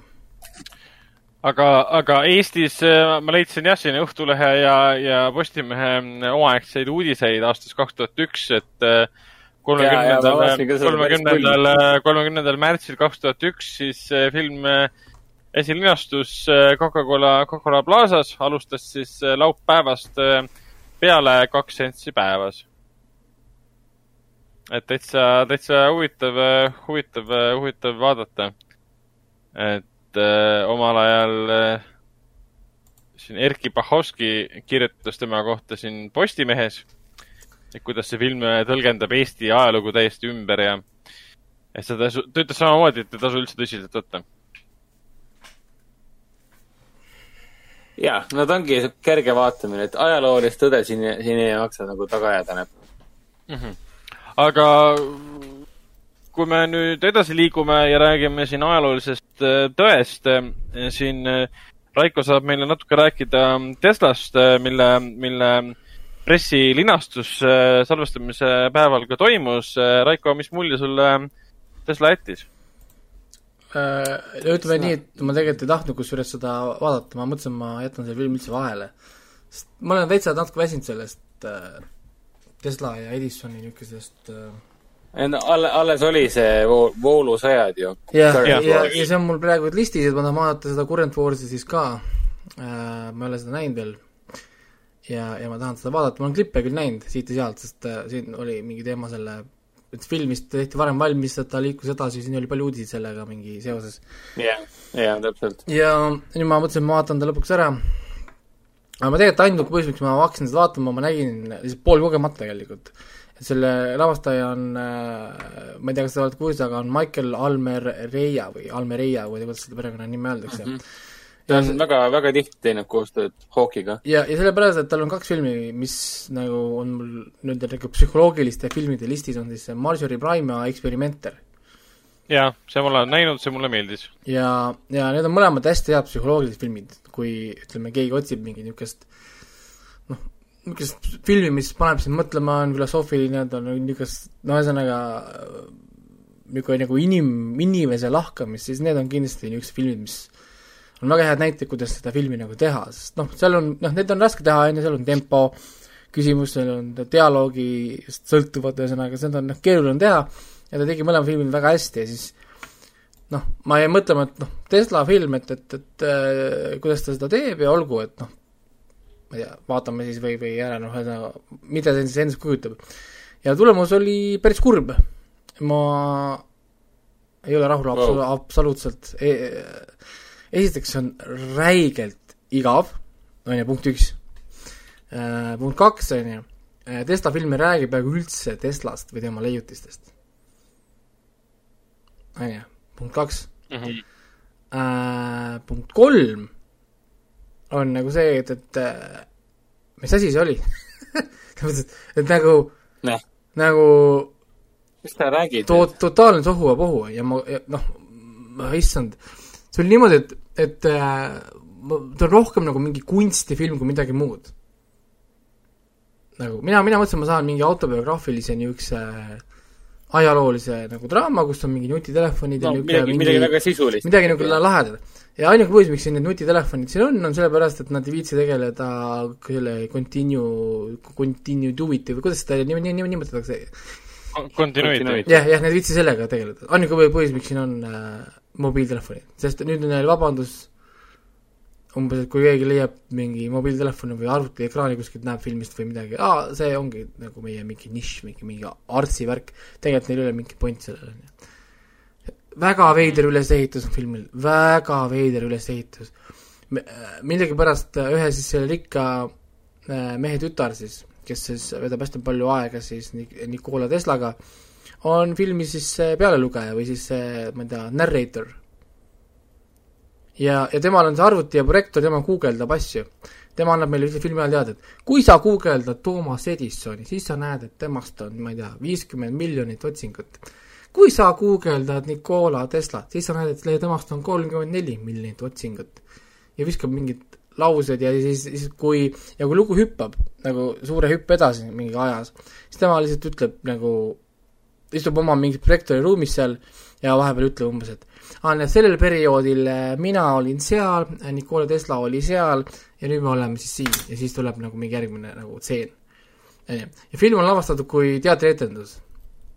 ehk siis taustu ei ole, vaid on nagu paber on see libitud seina peale ja siis Nikola Tesla on näiteks seal märjana seal ees ja siis sees käib, et nagu vihmasajaks vaata nagu, et tal on nagu külm mm. -hmm. nii, ja siis on nagu päris, et siis me oleme nagu kuskil ruumis, mis on nagu päris film, siis on jälle nagu mingi teatrietendus nagu.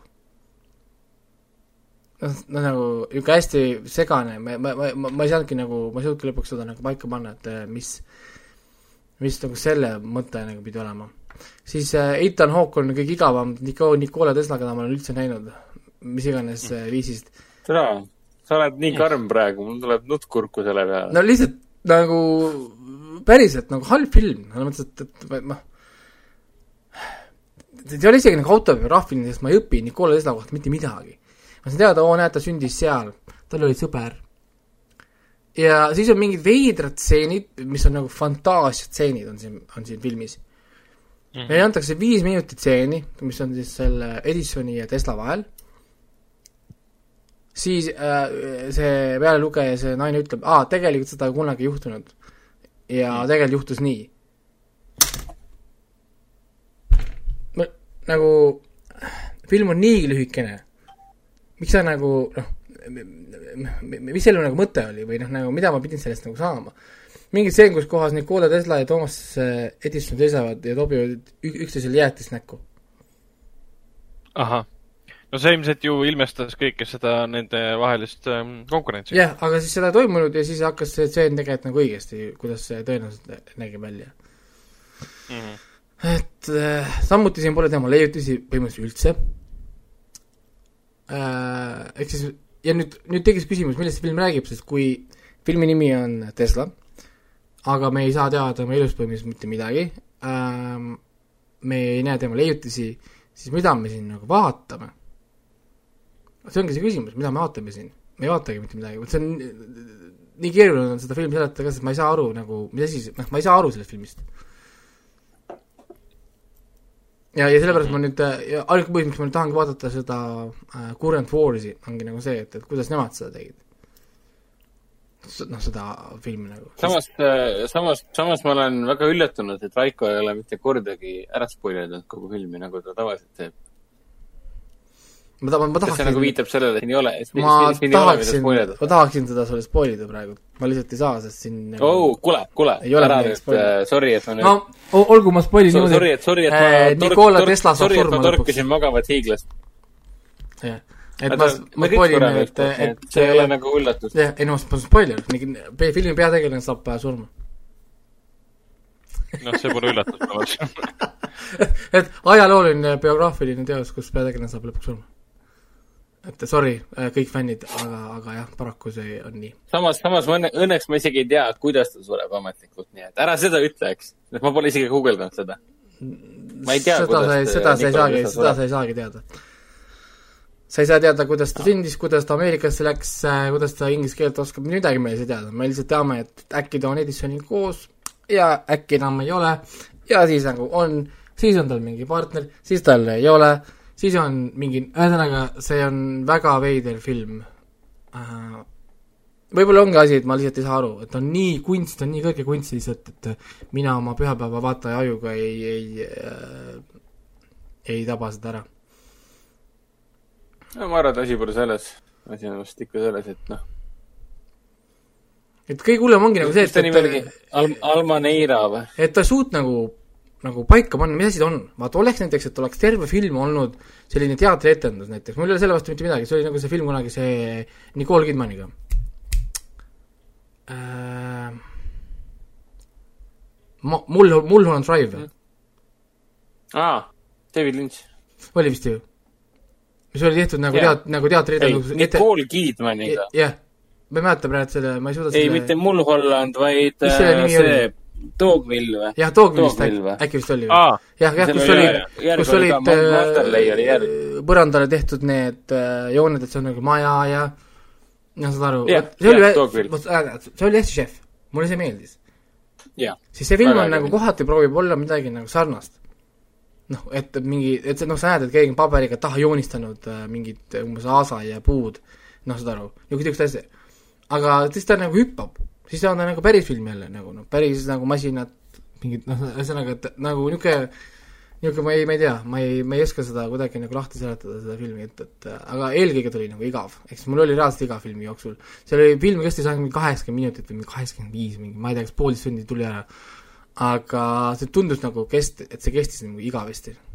selles mõttes, et noh, nagu nojah, siis, aga noh, eks selle kohta saab öelda, et oma, oma silm on kuningas.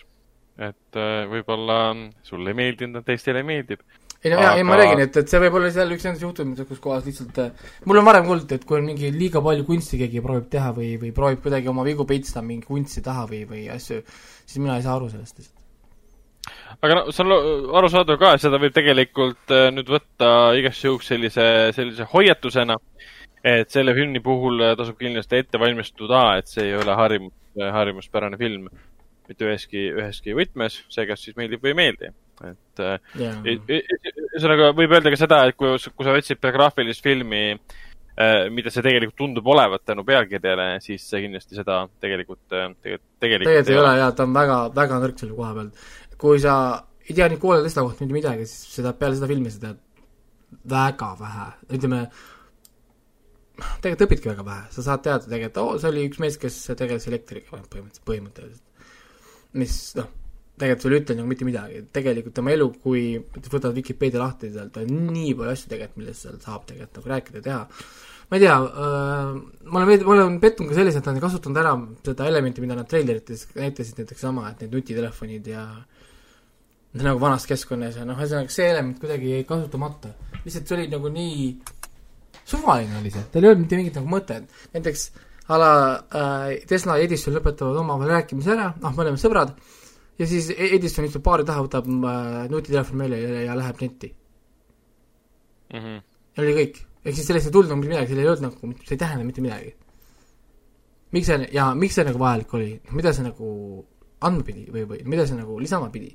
kas see pidi olema umbes nagu märk sellest tulevikust, mida Tesla ette kujutas või, või noh, mina üritasin siit leida mingit seda nagu noh, mingit nagu tähendust sellest, aga mul, ma ei ole kindel, et siin üldse ongi, et et, et ja, ja ma ei saanud, miks nad ei näidanud tema leiutisi, näiteks tema neid kuulsaid leiutisi äh,, miks nad neid ei näidanud? Nad siis mainisid, oo, mul on kaksteist patenti selles asjas, ahah, aga näita mulle siis mõnda või noh, nagu ma ei tea, ühesõnaga jah. Aga samas ütleme nii, et võib-olla saame selle filmi juurde naasta siis, kui sa oled ära vaadanud ka siis selle Current, Current War'i äh, voolusõja, mis peaks olema siis äh, rohkem ajalooline, biograafiline ja just siis Edisoni ja Tesla vahelisest äh,, vahelisest konfliktist. et võib-olla siis tagantjärgi ongi see, et meil on, võibki olla Teslast film, mis on selline hoopis kunstilisem nägemus tema äh, isikust äh, ja teine film on siis selline klassikaline biograafiline lugu. Jah, ja, ja selles mõttes, noh, Ethan Hawke on küll, ta on kogu aeg ekraani peal, mis umbes võiks mõelda ju, et noh, Nikola Tesla on siis ka, aga kui tema on ekraani peal, siis on Ethan Hawke ekraani peal, mitte Nikola Tesla mm.. nojah aga, aga, aga vähemalt saame, saame öelda, et mis see üks hea asi on selle filmi juures, mis sulle võib-olla väga-väga silma paistis hmm.? See, see pikk vaikus räägib enda eest. see on keeruline seda võtta. siin ei ole mitte midagi, isegi see mingi veider Karoka number, mida see Nikola Tesla hakkas tegema lõpuks oli mul nagu what, nagu what the fuck, noh miks, mis asi see on, noh nagu äh, ei tea. sina, sina, sina mõtled seda negatiivsena, aga võib-olla meie kuulajad, väga paljud teised mõtlevad, et ma vaatasin Tesla biograafilist filmi, kus Tesla tegi karaoke numbri. jaa, ei, selles mõttes, jah, ma räägin, et ta on täpselt niisugune, et, et ta võib, noh, ta jookseb niisuguse nagu piir, nagu piiri peal küll. et ma, ma täitsa näen, kus kohas inimesed, noh, ma näen seda filmi, miks inimesed võiks see, miks, miks keegi võiks öelda, et talle see film meeldib. et see ei ole umbes nagu no mul oli kunagi sama asi oli selle filmiga see, äh, mis oli Dark Zero Thirty äkki või, või mingi Zero Dark Thirty. jah, jah, see sai mingi Oscarid ja kõik kiitsid seda taha, ma andsin selle ühe punkti sellele filmile, ma pole niisugust saast ammu näinud. Onju, ja siis kõik, kõik käisid ja kiitsid seda ja minust oli ka, et mina olin nii nagu tige, sest see film oli, seal ei olnud nagu pointi sellel filmil. ma olin nagu nii nagu tookord pettunud. Ja siis ma olin üksinda nurgas, kõik peksid mind, sest äh, see on hea film, see on hea film, see on hea film, ma vaatasin seda filmi ühe korra veel ja siis ma räägin, et vaikselt oksendad suhu ja siis üritad nagu lihtsalt sümboolselt seda eh, teist korda lõpuni ta-, taluda ja siis otsid sealt seda positiivset ja siis eh, nagu see, et ähm, kui niisuguseid filme tehakse, siis mina võiks ka olla filmi tegija kohe, täna ja nüüd. kui inimesed kiidavad selliseid filme, sorry noh. ahah, täitsa huvitav, see oli jah, Catherine Bigelow äh, lavastatud, see, kes tegi Hurt Lockeri näiteks ja äh, ta võitis lõpuks ühe Oscari, miks, milleks oli siis heli, helimontaaž, aga kandideeris Oscarite veel parimale filmile, parimale stsenaariumile, parimale montaažile ja parimale nais, naispeaosale. aga jah, selle Current Force'i ma igal juhul vaatan ära, sest, sest noh, lihtsalt mul tekkis nüüd huvi ja ma tahan nagu võrrelda, sest noh, ma lugesin nagu Vikipeedias ka tegelikult, täna just hommikul lugesingi, et Tesla kohta nagu rohkem no tal on tegelikult elus nii palju niisuguseid nagu märkimisväärseid sündmusi, mille ümber tegelikult saab teha korraliku filmi. see ei ole umbes, et tal oli lihtsalt nagu elas ja siis leiutas umbes noh nagu. tal oli sündmuseid, tal oli ebaõnnestunud ettevõtteid, seal investorid varastasid talt firmasid ära, tal oli see draamat seal tegelikult nagu küll. tal oli patentidega seal jamasid, seal Edisoniga trikitamist, näiteks kuidas äh, no samuti see surmanuhtluse teema, kuidas E-, Edisoni siis otsene elekter või noh, otse, otse, nii-öelda otsevoolu elekter ei tapnud inimest ära, nii nagu tema see vahelduva vooluga tappis ja siin on teatud niisuguseid nüansse, mida saaks nagu rohkem nagu, ma ei tea, ühesõnaga siin on materjali küll, millist nagu teha filmi mm. -hmm. aga noh, ma ei tea, inimesed vaadake ja hinnake siis nagu ise, et, et ennem Tenetit saab ära vaadata, kes see pärast Tenetit seda ikka vaatab, et jah, sest pärast Tenetit saame, saame veel näha äh, Tenetit vot, aga jah, sest te vaatate aga... ju, ju kaks korda. Jah, tõsi, me vaatame, me vaatame siis päeva jooksul teda lausa, lausa kaks korda, et üks öösel ja, ja üks, üks päeval. et ma loodan väga, et see film on hea ja see õigustab ennast ära, et me vaatame teda kaks, kaks korda. vot, aga liigume edasi, liigume edasi, liigume edasi uudiste juurde. siin loetud tunnid enne saate salvestamist äh, tulid siis välja Surm Niilusel, mis on siis ähm, äh, Agatha Christie lugudel põhinev äh, film, mille peaosas muidugi on maailma, maailma kõige tuntum, tuntum detektiiv Hercule Poirot. Film tegelikult on siis Kenneth Branaga lavastatud ja seda võib võtta nii-öelda järjena mida tegelikult ei ole, aga see on Kenneth Branaga jätkusuutlik nägemus siis. Agatha Christie Branagi jätkusuutlik nägemus siis äh, Agatha Christie lugudest, et esimene oli sellest siis äh, äh Mõrv Ida Ekspressis aastast, aastast kaks tuhat seitseteist, kus oli tõeline plejaad äh, tuntud äh, näitlejad siin. Kenneth Branagh, Branagh ise mängib siis Hercule Poirot ja siin oli veel, kes kaasa tegid, Johnny Depp tegi kaasa, meil tegi kaasa Penelope Cruz, William Dafoe siis äh, Daisy Ridley ja nii edasi. ja nüüd tehti siis Oota, äh, kolmas. mängis esimeses või? jah, jah. Äh, sa ei mäleta? aga jah, teises mängib ju Wonder Woman, Gal Gadot ja Armie Hammer, Anett Bening ja Rose no, Leslie isegi ja Letitia Wright ka jah, jällegi terve, terve hunnik tuntud, tuntud näitlejad, Russell Brand ja, ja siin ja nii edasi, seda nimekirja viibki lugema jääda. Äh, selle koha pealt, et minule omal ajal see sügavat muljet ei jätnud. Äh, ma ei pea silmas äh, siis Kristi lugu ega selle varasemaid adaptatsioone, ekraniseeringuid, vaid pigem siis Kenneth Branagh'i nägemus sellest, aga üldse Kenneth Branagh, Branaghi tööd ei ole mulle viimasel ajal erilist muljet jätnud. see asi on pigem reisjööris minu jaoks isiklikult aga film ise oli väga edukas, lausa üllatushitt. kriitikud tegelikult võtsid teda väga hästi vastu ja seda ma ütlen, ta oli ja, väga meelelahutuslik. isegi Eestis, isegi Eestis pikki, pikki kuid vaadata seda filmi, esimest osa. ei, mulle Kenneth Branagh täitsa meeldib äh,. Aga, aga noh, see eelmine film, noh, see Surm Mõrvide Ekspressis oli, ta oli stiilne, aga ma siiamaani ei suuda aktsepteerida Kennet, Kennetit Hercule Poirot'na et ta, ta mõjub natuke liiga naljakana, et olla tõsi, tõsiseltvõetav. noh, jah. aga mm -hmm. see võib olla ainult mina, et noh. aga, aga teine osa tundub tegelikult äh, stiilne ja samas on tore, et see endine Fox ehk siis äh, Century stuudios nüüd äh, ehk siis Disney loovad sellist äh, Hercule Poirot nii-öelda jagatud universumit ehk siis see on ametlikult nagu teine osa, järg eelmisele mida ta mm -hmm. tegelikult minu teada raamatu, raamatutega võrreldes ei ole tegelikult, ta pole järg, ta on lihtsalt romaan, mida mida Agatha Christie kirjutas. aga ta tundub, tundub eraldi... sama kihvt ja sama stiilne olevat. eraldi uurima hakkame, kas need oma lood on omavahel seotud, välja arvatud see, et seal on sama detektiiv äh, peaosas. aga ma arvan, et see järg on, järg on selle poolest, et ähm, see on järgmine, järgmine juhtum, mida äh, Poirot uuris. treiler äh, tuli sellele filmile siis välja. treiler on stiilne, näeb äh, äge, äge välja. muidugi aitab väga palju kaasa, et sul on, sul on korraga ekraanile niivõrd palju tuntud, tuntud näitlejaid.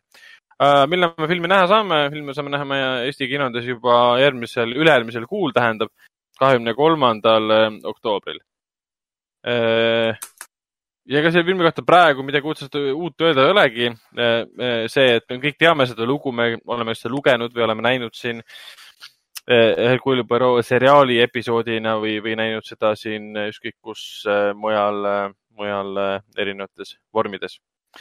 Aga uudiste koha pealt vahepeal oli niisugune pisikene, pisikene pommuudis, mis seostub siis Vaimude väljaajaga.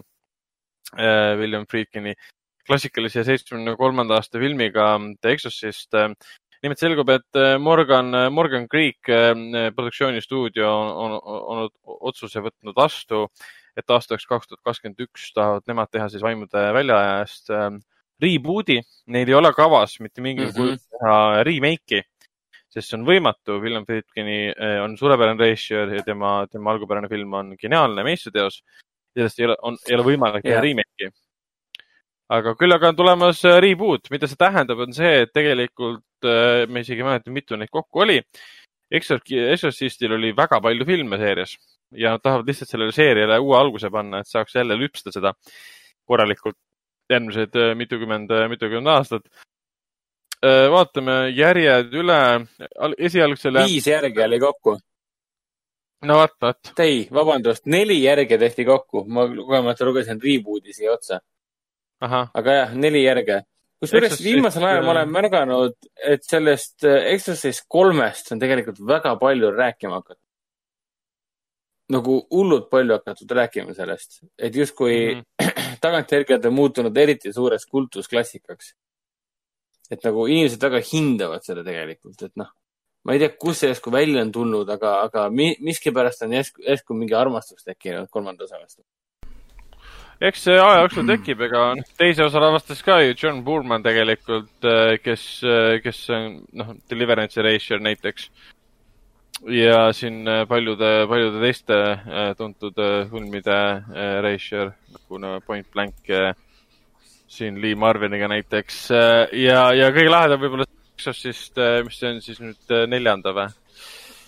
kaks, kolm, neli, jah, neljanda lavastas ju meie, meie enda ülelahe poiss Renny Harlin Äh, ehk ah, siis siin äh, Cliffhangeri režissöör ja Die Hard kahe režissöör ja vahepeal, kes läks Püha Hiina jumal. tegema erinevaid filmide režissöör ja nüüd ta teeb seda Soome klassi kokkutulekut, äh, teist või kolmandat me enam ei äh,, ei mäleta. aga viimane, seni viimane film oli Dominion, prequel to the Exorcist.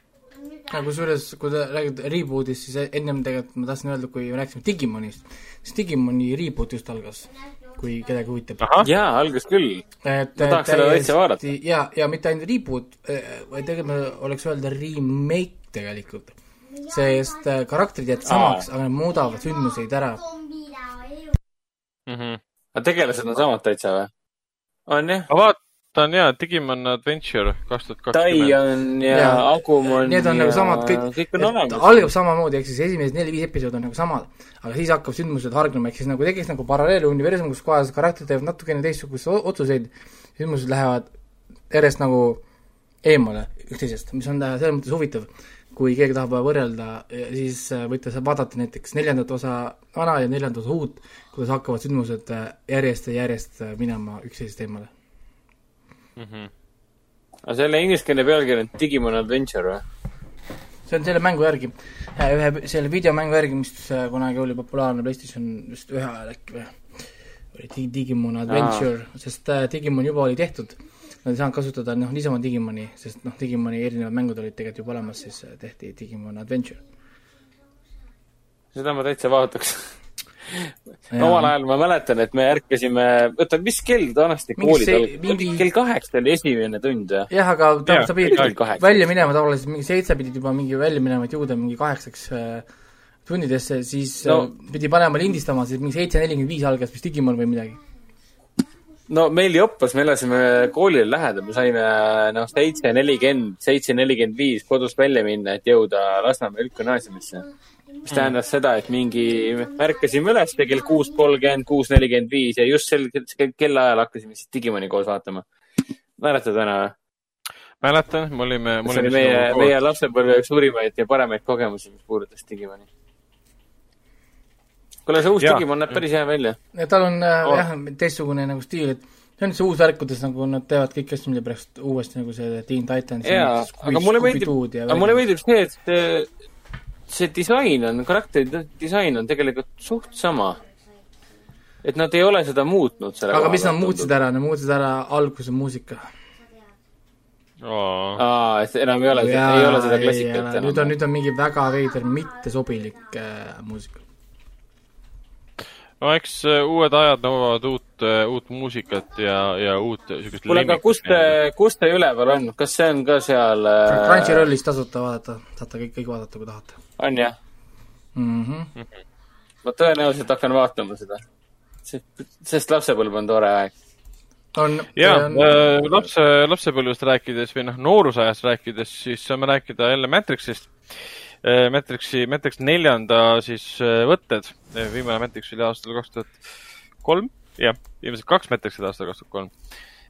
Matrix neli, mis nüüd järgmisel aastal peaks äh, välja, oli vist järgmine aasta, vahepeal lükati neid kuupäevi nii palju edasi, mul pole enam meeles, ma pean kontrollima kuupäeva ja aastat, aga fakt on see, Matrix neli vahepeal äh, oli pausil, mis puudutas võtteid, üle-eelmisel aastal tuleb alles välja, kaks tuhat kakskümmend kaks. Oli pausil, sest äh, koroonaviirus siin äh, haldas, haldas äh, omi asju. ja, ja nüüd alustasid Saksamaal uuesti võtetega ja siis samal ajal selgus, et äh, Lawrence Fishburne, kes mängis äh, äh, kurikuulsat äh, tagaotsitud äh, häkkerit äh, Morpheust äh, selles seerias äh, ei tule, ei tulegi tagasi ja ei tule tagasi väga lihtsal põhjusel, teda ei ole sinna kutsutud. Et ta ei olnud sellest äh, üldse kibestunud ega midagi, ta ütles, et okei okay,, tehke ära, et mind polegi, ilmselgelt mind ei kutsutud sellepärast, et mind pole vaja, mis on loogiline. aga fännid on võib-olla natukene pettunud, et miks see põhi, põhi, põhituumid tagasi ei tule, et meil on Keanu Reaves tagasi, meil on, meil on Carrion Moss tagasi Trinity rollis, aga meil ei ole Morpheust ja Lawrence et miks Fishburne'i. põhimees tagasi pole. Aga mida nad üldse on- teevad, keegi ei tea ju Täpselt. täpselt. me, ei tea, mis on lugu, me teame, et üks äh, täpselt, et niikaua, kuni keegi ei tea, millest, mida nad täpselt teevad, nii kaua on kõik nagu endast väljas, et mingeid vanu, vanu näitlejaid, vanu tegelasi pole tagasi. Jah. mis on täiesti arusaadav. ja seal on hunnik uusi näitlejaid, noh, Chad Pinkett Smith tuleb tagasi näiteks, kes mängis Niobet, aga seal on Jonathan Groff näiteks, kes siis Mindhunteris mängib seda põhiuurijat seal Netflixis. Meil on Priyanka Chopra, Neil Patrick Harris, meil on näiteks Yahya Abdul Mateen teine, kes siis äh, mängis äh, Black, Black Panther, Aquamanis ja siis äh, äh, selles, selles Watchmenis, kus ta tegi väga meeldejääva ja tugeva, tugeva rolli ja paljud fännid on Mm, veendunud, uuest et äh, äh,, uuest Candymanis ka. jah, edasi lükatud äh, Candymanis, mis tuleb nüüd sügisel äkki. Mul on vahepeal kõik need, ja täpselt need kuupäevad juba sassi läinud, et mis on edasi lükatud ja mis ei ole. tema siis äh, fännide arvates mängib tõenäoliselt noort, noort äh, Morpheust. kas see tõele vastab, seda me ei tea. sest, sest me ei tea, meil pole õrna aimu, kas see film räägib mingist peatükist Matrixi ajaloos, räägib Matrixi tulevikust pärast kolmanda osa sündmuseid. miks on seal, miks on seal Trinity ja Neo me ei tea, lihtsalt me, me, me ei tea, me teame, et Neo nagu väike spoiler suri kolmanda osa lõpus, meil on, surm on suhteline, me nägime, et ta väsis ära no,. jah. aga Trinity ja, ja väsis siis ära. Morpheus jäid ellu, et noh, täitis ju pikali vaata ja siis, ja siis äh, masinate jumal ütles, et sleep now või midagi laadset. no mitte päris, aga mõte on sama. ehk siis äh, me ei tea, et meil on võib-olla lihtsalt äh, selle uudise peale võib kurb, kurb tõdemus lihtsalt, et meil ei ole põhituumikud koos aga võib-olla varsti saame teada, miks ja see on kõik on meile piisav. vot, liigume edasi, liigume edasi viimase uudisega, mis puudutab muidugi jälle taaskord Tenetit. Tenet on kinodesse tulemas, Eesti kinodes alustab küll kahekümne kuuendal augustil, USA kinodes neljandal septembril. aga siin Warner Brothers on mitu korda teada andnud, et USA teatud kinodes, mis on praegu avatud, avatakse, tähendab, seal toimuvad sellised eel eel-screening ud, kus näidatakse osadele, osale publikule nagu ära, enne kui ta täiesti nii-öelda, ma ütlen jutumärkides sadaprotsendiliselt, sajaprotsendiliselt kinodes alustab. aga Brothers muretseb, muretseb väga piraatluse pärast. piraatlust äh, vanasti ei saanud üldse arvestada, sest sa said lihtsalt kinno minna. aga nüüd on see, kus enamus osariikides on, on kinod, kinod kinni, siis see piraatlus kui selline, et inimesed lihtsalt filmivad selle filmi oma kaameratega üles, panevad netti ja need inimesed, kes on seda filmi oodanud või tahavad väga näha, aga ei saa tänu sellele, et nende kinod on kinni, saavad seda kodus vaadata. ja siin eh, Warner Brothers on vahepeal siin Google'it, Google'it hurjutanud ja nõudnud neilt eh, ühe Google Drive'i eemaldamist, kuhu väidetavalt jõudis siis Inceptioni eriseansside ees olnud proloog, kus olid siis tegelikult filmiklippe otseselt ei olnud, seal olid feature'etid, kus näitlejad rääkisid ja mõned uued üksikud kaadrid. et see oli siis jõudnud juba netti cam record'i nagu kujul ja see oli siis Brothersi ka tigedaks ajanuud. ja praegu nad siis USA kinokettidele lugesid ka sõnad peale, et hoidke ikka silma peal ja ööprillid ja kõik siuksed asjad, et äh, keegi ei filmiks ja keegi ei jälgiks, et ma lugesin ka seda artiklit, siis see tegelikult loetakse sõnad peale mitte USA kettidele, vaid äh, USA kettide mitte Ameerikas olevatele kinodele. sest Ameerika kinod on endiselt, endiselt kinni. ehk siis siin käib jutt küll., jutt Euroopast ja Aasia turgudest on ja, ja ja seal oli ka pigem nagu äh,, toon oli nagu selles, et nad tõenäoliselt ei suuda seda takist-, takistada Mm. et, et toon oli väga ühene, et, et äh, noh, selle artikli autor siis, see Slash Films vist oli see, oli seal ka umbes sellise tooniga, et, et ta peab leppima sellega, et see on kaks tuhat kakskümmend ja tema kui ameeriklane äh, peab arvestama, et tõenäoliselt selleks hetkeks, kui tema saab lõpuks Tenetit näha, siis ta juba teab sellest filmist palju rohkem, kui ta tegelikult tahaks teada. sellepärast, et, et, et isegi kui nad peatavad näiteks filmitud versioonid, mis äh, tõenäoliselt Venemaalt ja kuskilt Aasiast niikuinii tulevad äh,, nad ei suuda peatada Twitteritesse ja mujal äh, tulevad arvustused äh, filmidest, nad ei suuda takistada spoilerid, mis lähevad niikuinii ülesse, sest kui noh, Euroopa ja muu maailm tegelikult juba näevad, siis miks nad ei peaks minema Twitteritesse ja Facebookidesse ja Instagramidesse ja kuhu iganes veel, et jagada oma muljeid ja jagada, et oi my god, et see, ma ei tea, see pööre seal lõpus, kui see karakter tegi seda, oli uskumatu. siis sina, kui ameeriklane, sa suudad hoida eemale ennast võib-olla nädal, võib-olla. ühel momendil ikkagi sa poolkogemata avad kuskilt mingi vale lingi ja sa vale näed, Youtube'i äh, link äh,, vale Facebooki kommentaar, mis iganes. ja, ja kõik ja film on rikutud, see oli seesama, mis juhtus Ragnariga, kui ta läks Youtube'i ennem, kui oli ilmunud The Last of Us kaks. jah, täpselt ta. läks mulle piisas selles, et äh, nägi pealkirja või pilti ja juba oli üks, üks oluline sündmus rikutud, on ju. ja, ja, ja see ongi niimoodi, et, et äh, see on ka põhjus, miks mina alati pooldan, et kõik asjad globaalselt ühel ja samal ajal, ei ole mingit veidraid regioonilukke ja mingit muud jura ja siis pole mõtet küsida, et miks keegi sinu, ma ei tea, filmi äh, nii-öelda piraatkoopianis varastab. ma tahan sulle anda raha, aga sina, kallis levitaja või mis iganes sina oled, sa ju ei lase minul ju seda kuskilt osta, seda värki sa blokeerid ju ära mind. mida, noh, ehk siis see on see küsimus, vaata. et siis ja siin on nüüd seesama, sama asi tekib tõenäoliselt ameeriklastel, et küsimus, et kas ta ootab, ma ei tea, kolm nädalat, kuni võib-olla kinod avatakse, sest ega Ameerika pole ikka veel kindel, et need üldse lastakse kuskile. siis no äh, jah, suht, siis lõpuks ongi, et ta, ta võtab selle veidra Vene, Venemaalt või ma ei tea, mis riikidest kuskilt äh, lindistatud versiooni ja vaat-, vaatab siis seda. nii et äh, jah, ja sinna ei ole, sinna ei ole tõesti midagi, midagi parata ja samamoodi, samamoodi noh, USA-s ka, kui film seal hakkab alustama, algama, samamoodi see piraatlus kui selline levib, siis ta on nüüd teatud kohad, kus kinod on lahti, väga paljudes kohtades on kinni. ehk siis see võetakse üles puhtalt kasvõi sellepärast, et saaksid need osariikide, osariikide elanikud näha, kes, kes ei saa filmi näha. et, et ütleme jah, selle, selle koha pealt tõesti aasta on kaks tuhat kakskümmend, ega midagi teha ei ole. Jah. nojah, tööd on neil ikka väga palju vaja teha. et see, et see on nagu kurb, aga noh, mingil määral ma mõistan seda, sest noh, me oleme kasvanud üles ju Eestis, me teame väga hästi, mis tähendab regioonilukud ja ja mitte asjade saamine, mis meie naabritel on olemas, naaberriikides on, meie lihtsalt ei saa, sest me oleme Eestis, see on nii tavaline nagu, et, et globaliseerimine mingil määral võiks natukene ki- kiiremini toimuda, et, et äh, et lihtsalt kõigile korraga. lihtsalt noh, iga asi kõikidele korraga, iga Netflixi asi meile kõigile, iga Apple TV Prime video kõikidele meile kõikidele korraga. Ei ole mingit asja, oo, et Holland saab täna, Taani saab kahe nädala pärast, UK saab üheksa päeva pärast, Eesti saab selle viie aasta pärast, on ju, või noh, saad aru. et, et, et kõik me saame kõik on korraga ja, ja see minu arust lahendaks nii palju neid muresid tegelikult ära, et tõsi, tõsi ta on, aga muresid, muresid, need on mured tegelikult, millega nagu kindlasti võitlema peab aga see võitlus on, kuidas nüüd öelda, nii-öelda, kuidas tsiteerida Don Quixotet nende tuuleveskitega. tuuleveskitega.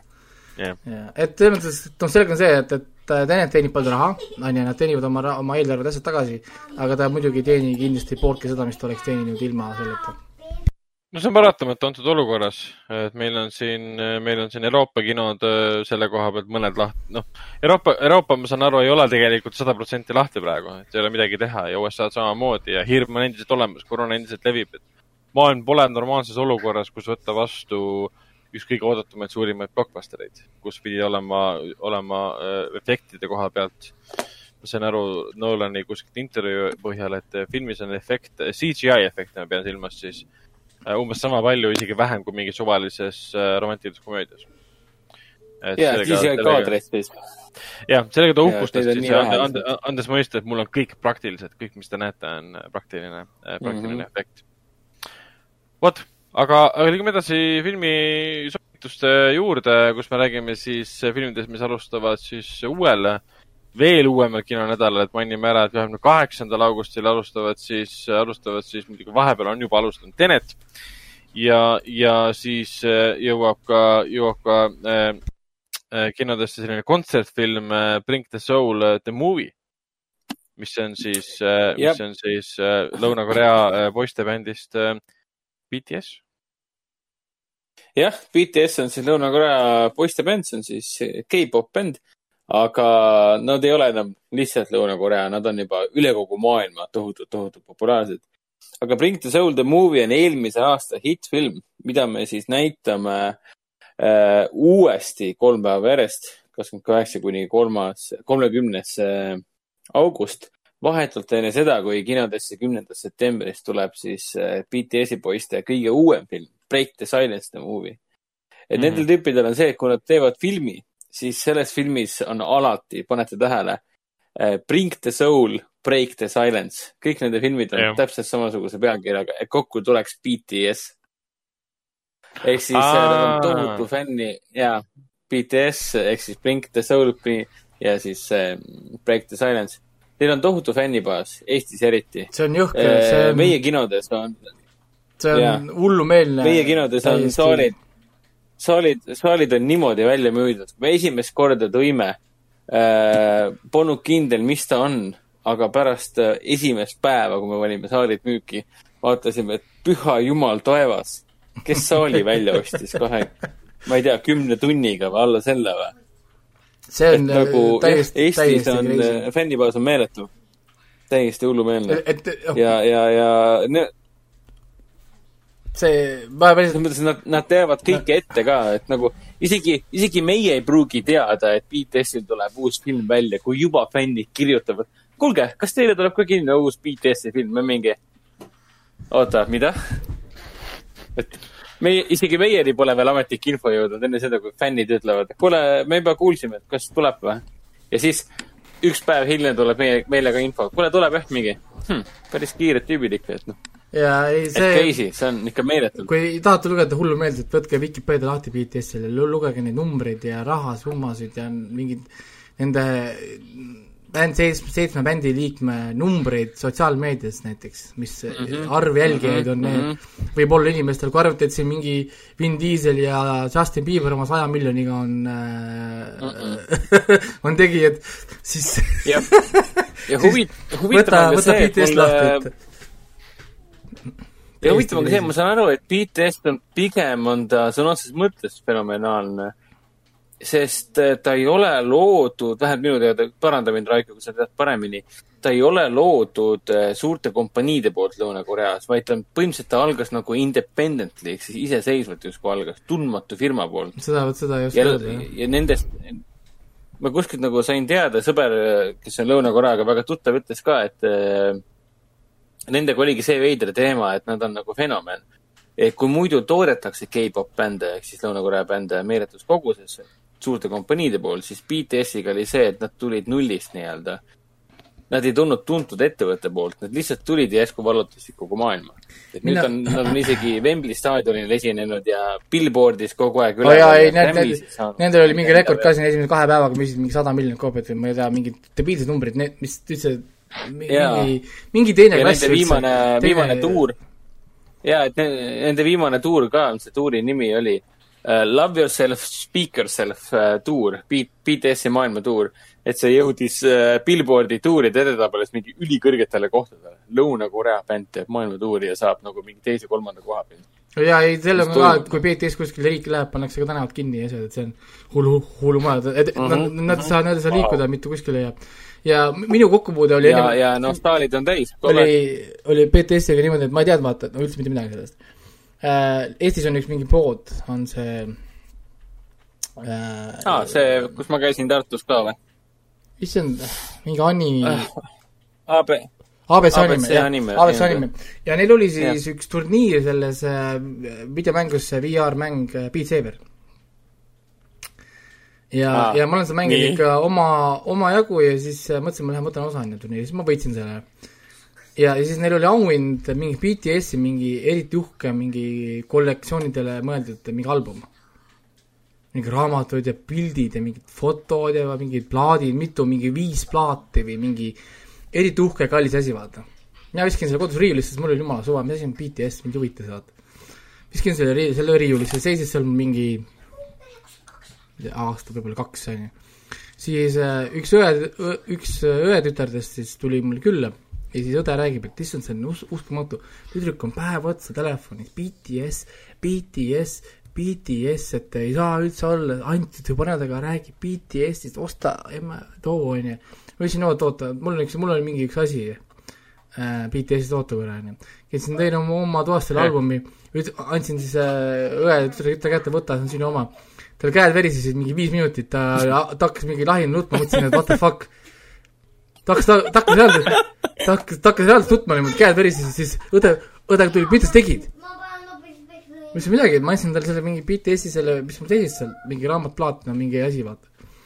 siis see see läks täiesti preesiks, hakkas pilte asju saatma igale poole, mingi tal Instagrami, Facebookid, mingi asjadest, mingi kaks nädalat tuli sealt raamatutest ja asjadest pilte ja see oli täiesti crazy.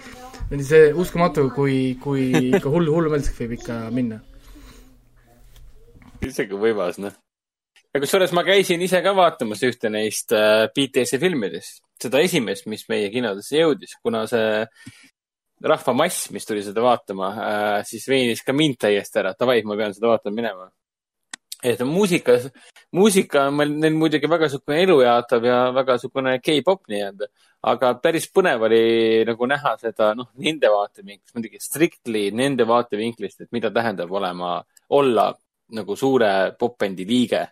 See on muidugi hästi emotsionaalne kõik, kõik on fännidele serveeritud, serveeritud, et siin ei ole nagu küsimust, et siin mingit kriitikat kui sellist ei ole, et see ei ole, noh, need filmid on ainult fännifilmid selles suhtes. iga teine film on The Untold Story of BTS ja kõik fännid tulevad vaatama, osta raisk, me saame kõiki neid tüüpe vaadata, jumala äge, noh. kus, et ma lähen ise ka tõenäoliselt seda kümnendal septembril vaatama. ma lihtsalt Jensen guugeldasin neid BTS fakte, mis nagu lihtsalt palju pärast. Mul jäi siin silma, et mingi hetkel äh, äh, oli üks enim otsitud Google äh, image search'e oli mingisugune, ühesõnaga üks bändi liige äh, shirtless. okei, Wow. jah, et Nojah. äh, oli oli mingil aastal, mingil kuul või mingil perioodil oli enim nagu Google image äh,, noh, see Google image otsitud, otsitud asi.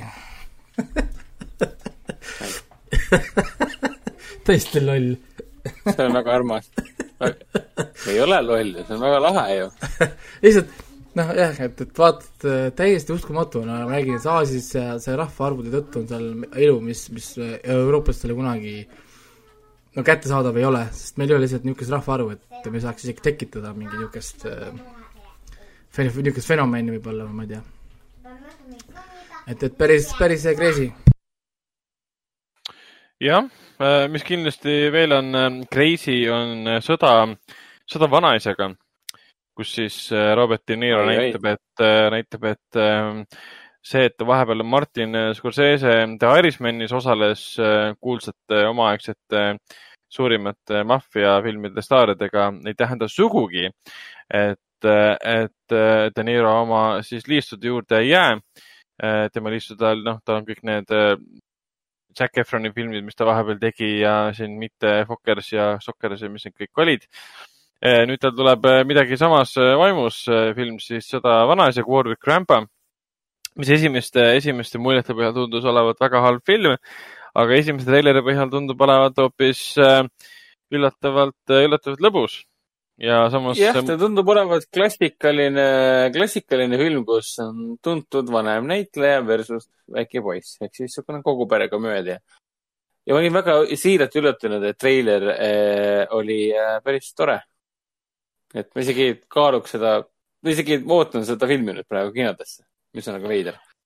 jah, ei ma kardan, et ta on loll, loll Hollywoodi film selle koha pealt loll, et ta võib-olla on vaimuvaene ja nõder selle koha pealt aga ma loodan väga, et ta, et ta üllatab mind selle koha pealt, et millist, no ta on ikkagi perefilm, nagu ma aru saan, väike laps on seal, kellega siis vanaisa ja, ikka perefilm, jaa.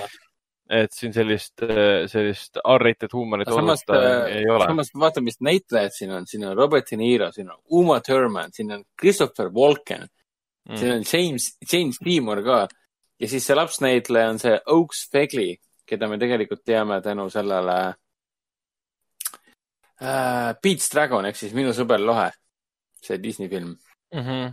mis oli päris arma, armas isegi. see oli no, sihi, väga hea film. raske, raske kahurivägi on kohale toodud, et äh, vana mees saaks väikse lapsega sõda pidada mm no,. jah, jah, see on nagu see nuhtlus nimega tennis ja, ja klassikaline, klassikaline idee mm, -hmm. mis, mida filmiks teha. klassikalisest ideest veel rääkides, Tenetist me oleme juba rääkinud alustab kahekümne kuuendal klassikalise idee all. ma mainin ühe filmi veel ära, enne kui, enne kui Hendrik saab meile rääkida ühest asjast veel. et Artises alustab kahekümne kaheksandal augustil üks uus film, sest nagu, nagu näha, siis, siis Tenet ehmatab kõik muud filmid ära.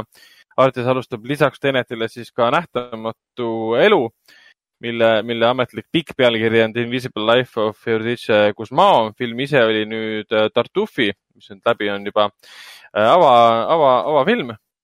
ja nüüd ta tuleb ka meile, meil on siis Nähtamatu elu nime all, sest filmi portugali keele pealkiri ongi tegelikult Nähtamatu nähtamatu elu. Äh, filmi astus eelmise aasta Cannes'is, võitis seal Un certain regard siis peaauhinna ka ja miks ta on klassikaline, on ta sellepärast, et ta on, räägib siis kahest õest, eh, nende suhetest oma perekonnaga ja erinevate eluvalikute tõttu tekitatud probleemidest, eh, kuna lugu leiab aset siis ka viiekümnendate Rio de Janeiros, siis elu ei ole kindlasti seal lihtne, et kui sul näiteks üks õde otsustab eh, pere juurest ära minna, sest ta seal armub näiteks Kreeka meremehesse, on pikka aega ära ja siis läheb temast lahku ja tuleb tagasi ja siis perekond ütleb, et me ei lase sind sisse sa oled mulle häbi teinud, et sa läksid minema, abiellusid võõra mehega ja nii edasi.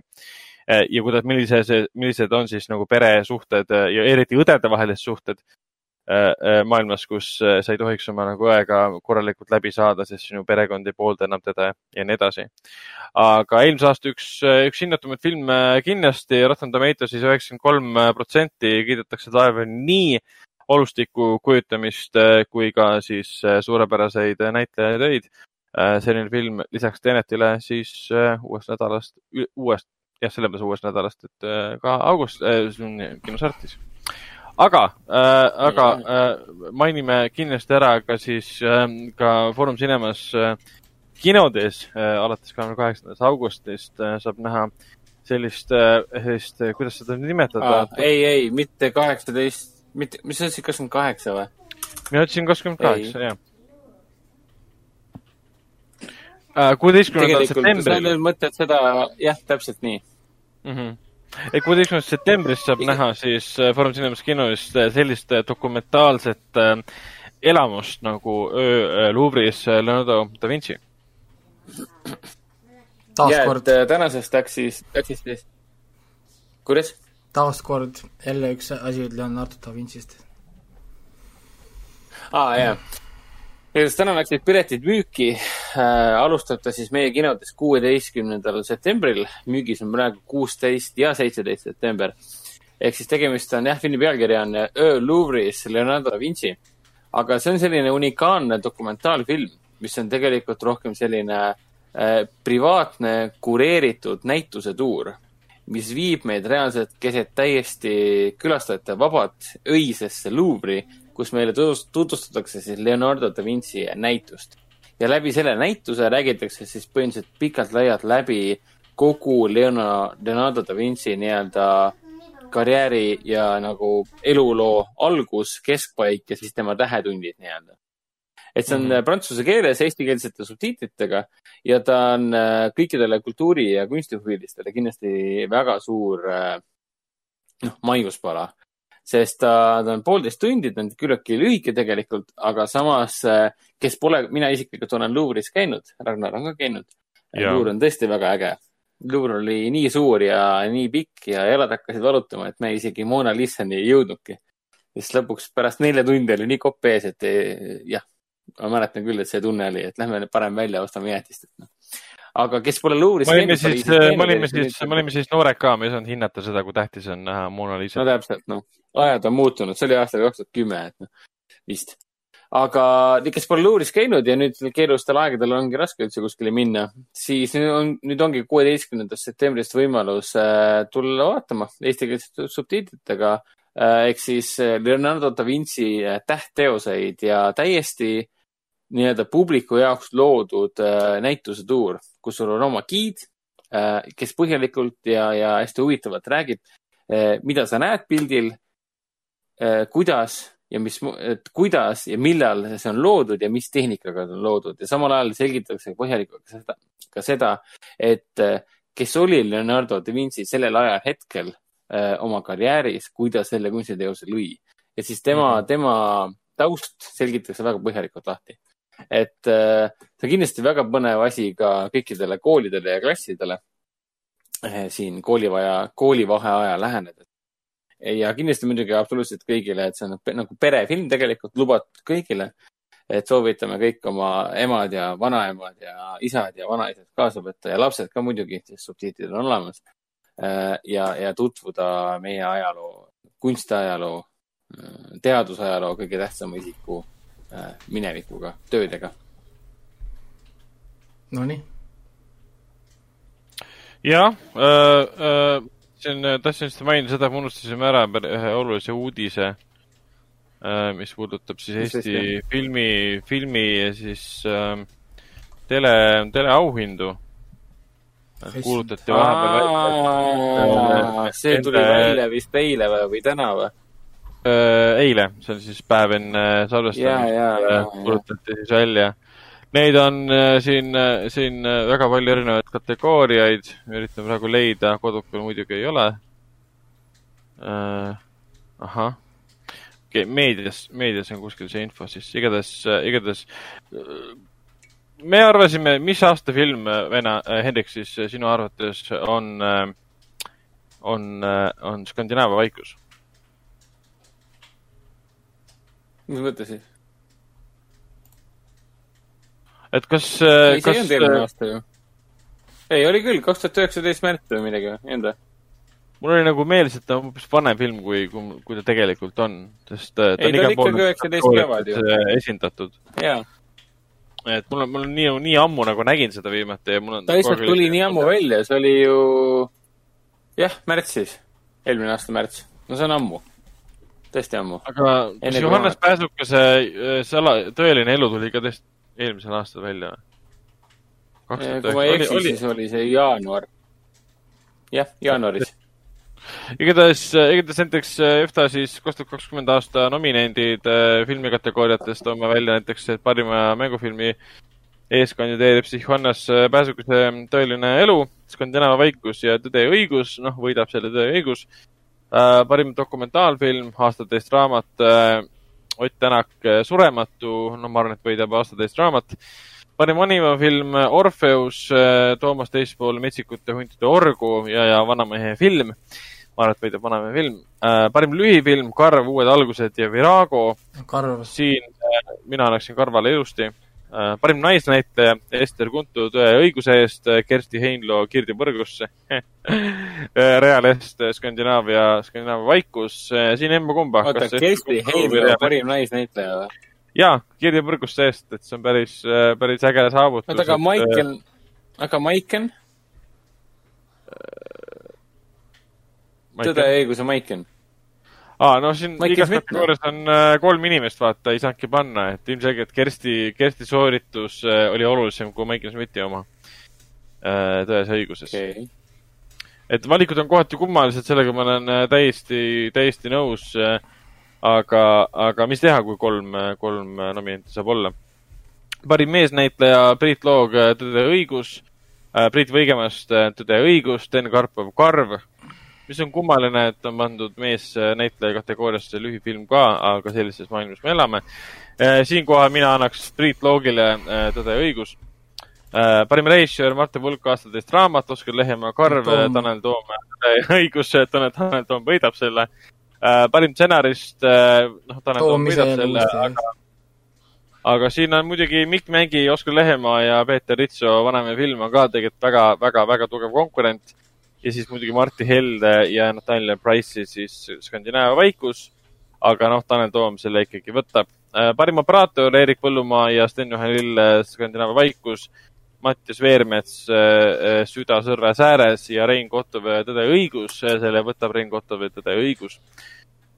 helilooja siis on aastatest raamat esindatud, Skandinaavia vaikus ja Vanamehe film filmikunstnik, helirežissöör, monteerija, siin juba korduvad filmid ka selle koha pealt, Vanamäe filmid, Skandinaavia vaikus, Karv, Ott Tänak, The Movie ah,. Mart Sander, äh, Kõhedad muinaslood kandideerib äh, siis uh.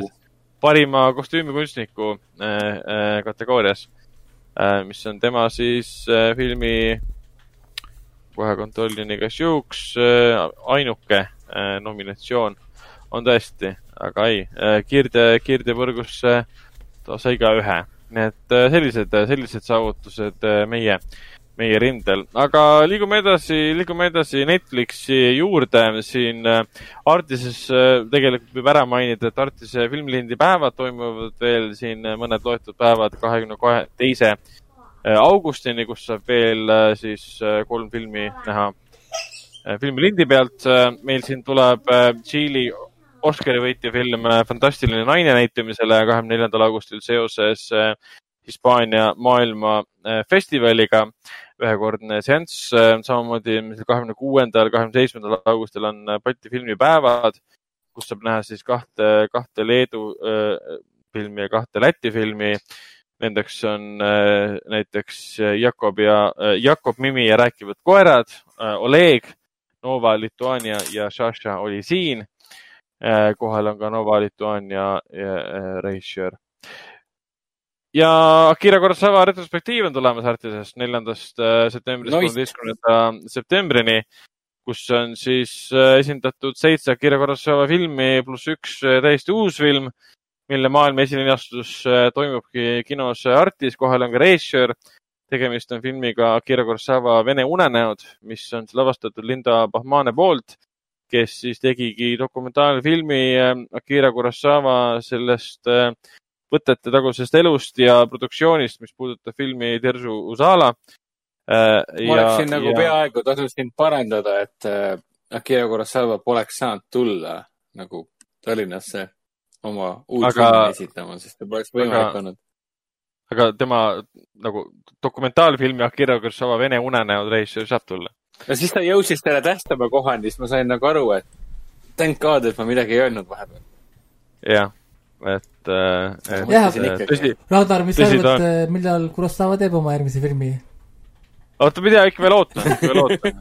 aga, aga, aga Vene unenäod äh, kindlasti, kuidas nüüd öelda avardab seda, mida, mida te arvate, et teate Kurosawast. kui sa tead Kurosawat ainult tema filmide põhjal, siis väga paljud ei tea, et tal olid aastad, kus ta üldse filmi ei teinud ja kaalus siin, kaalus siin enesetappu ja, ja siis tulid, tuli Nõukogude Liit äh, vahele ja ütles, et kuule, tule, tule teeme meil filmi ja siis ta tegi oma elu kõige raskema filmi, milleks oligi Tersu Usala.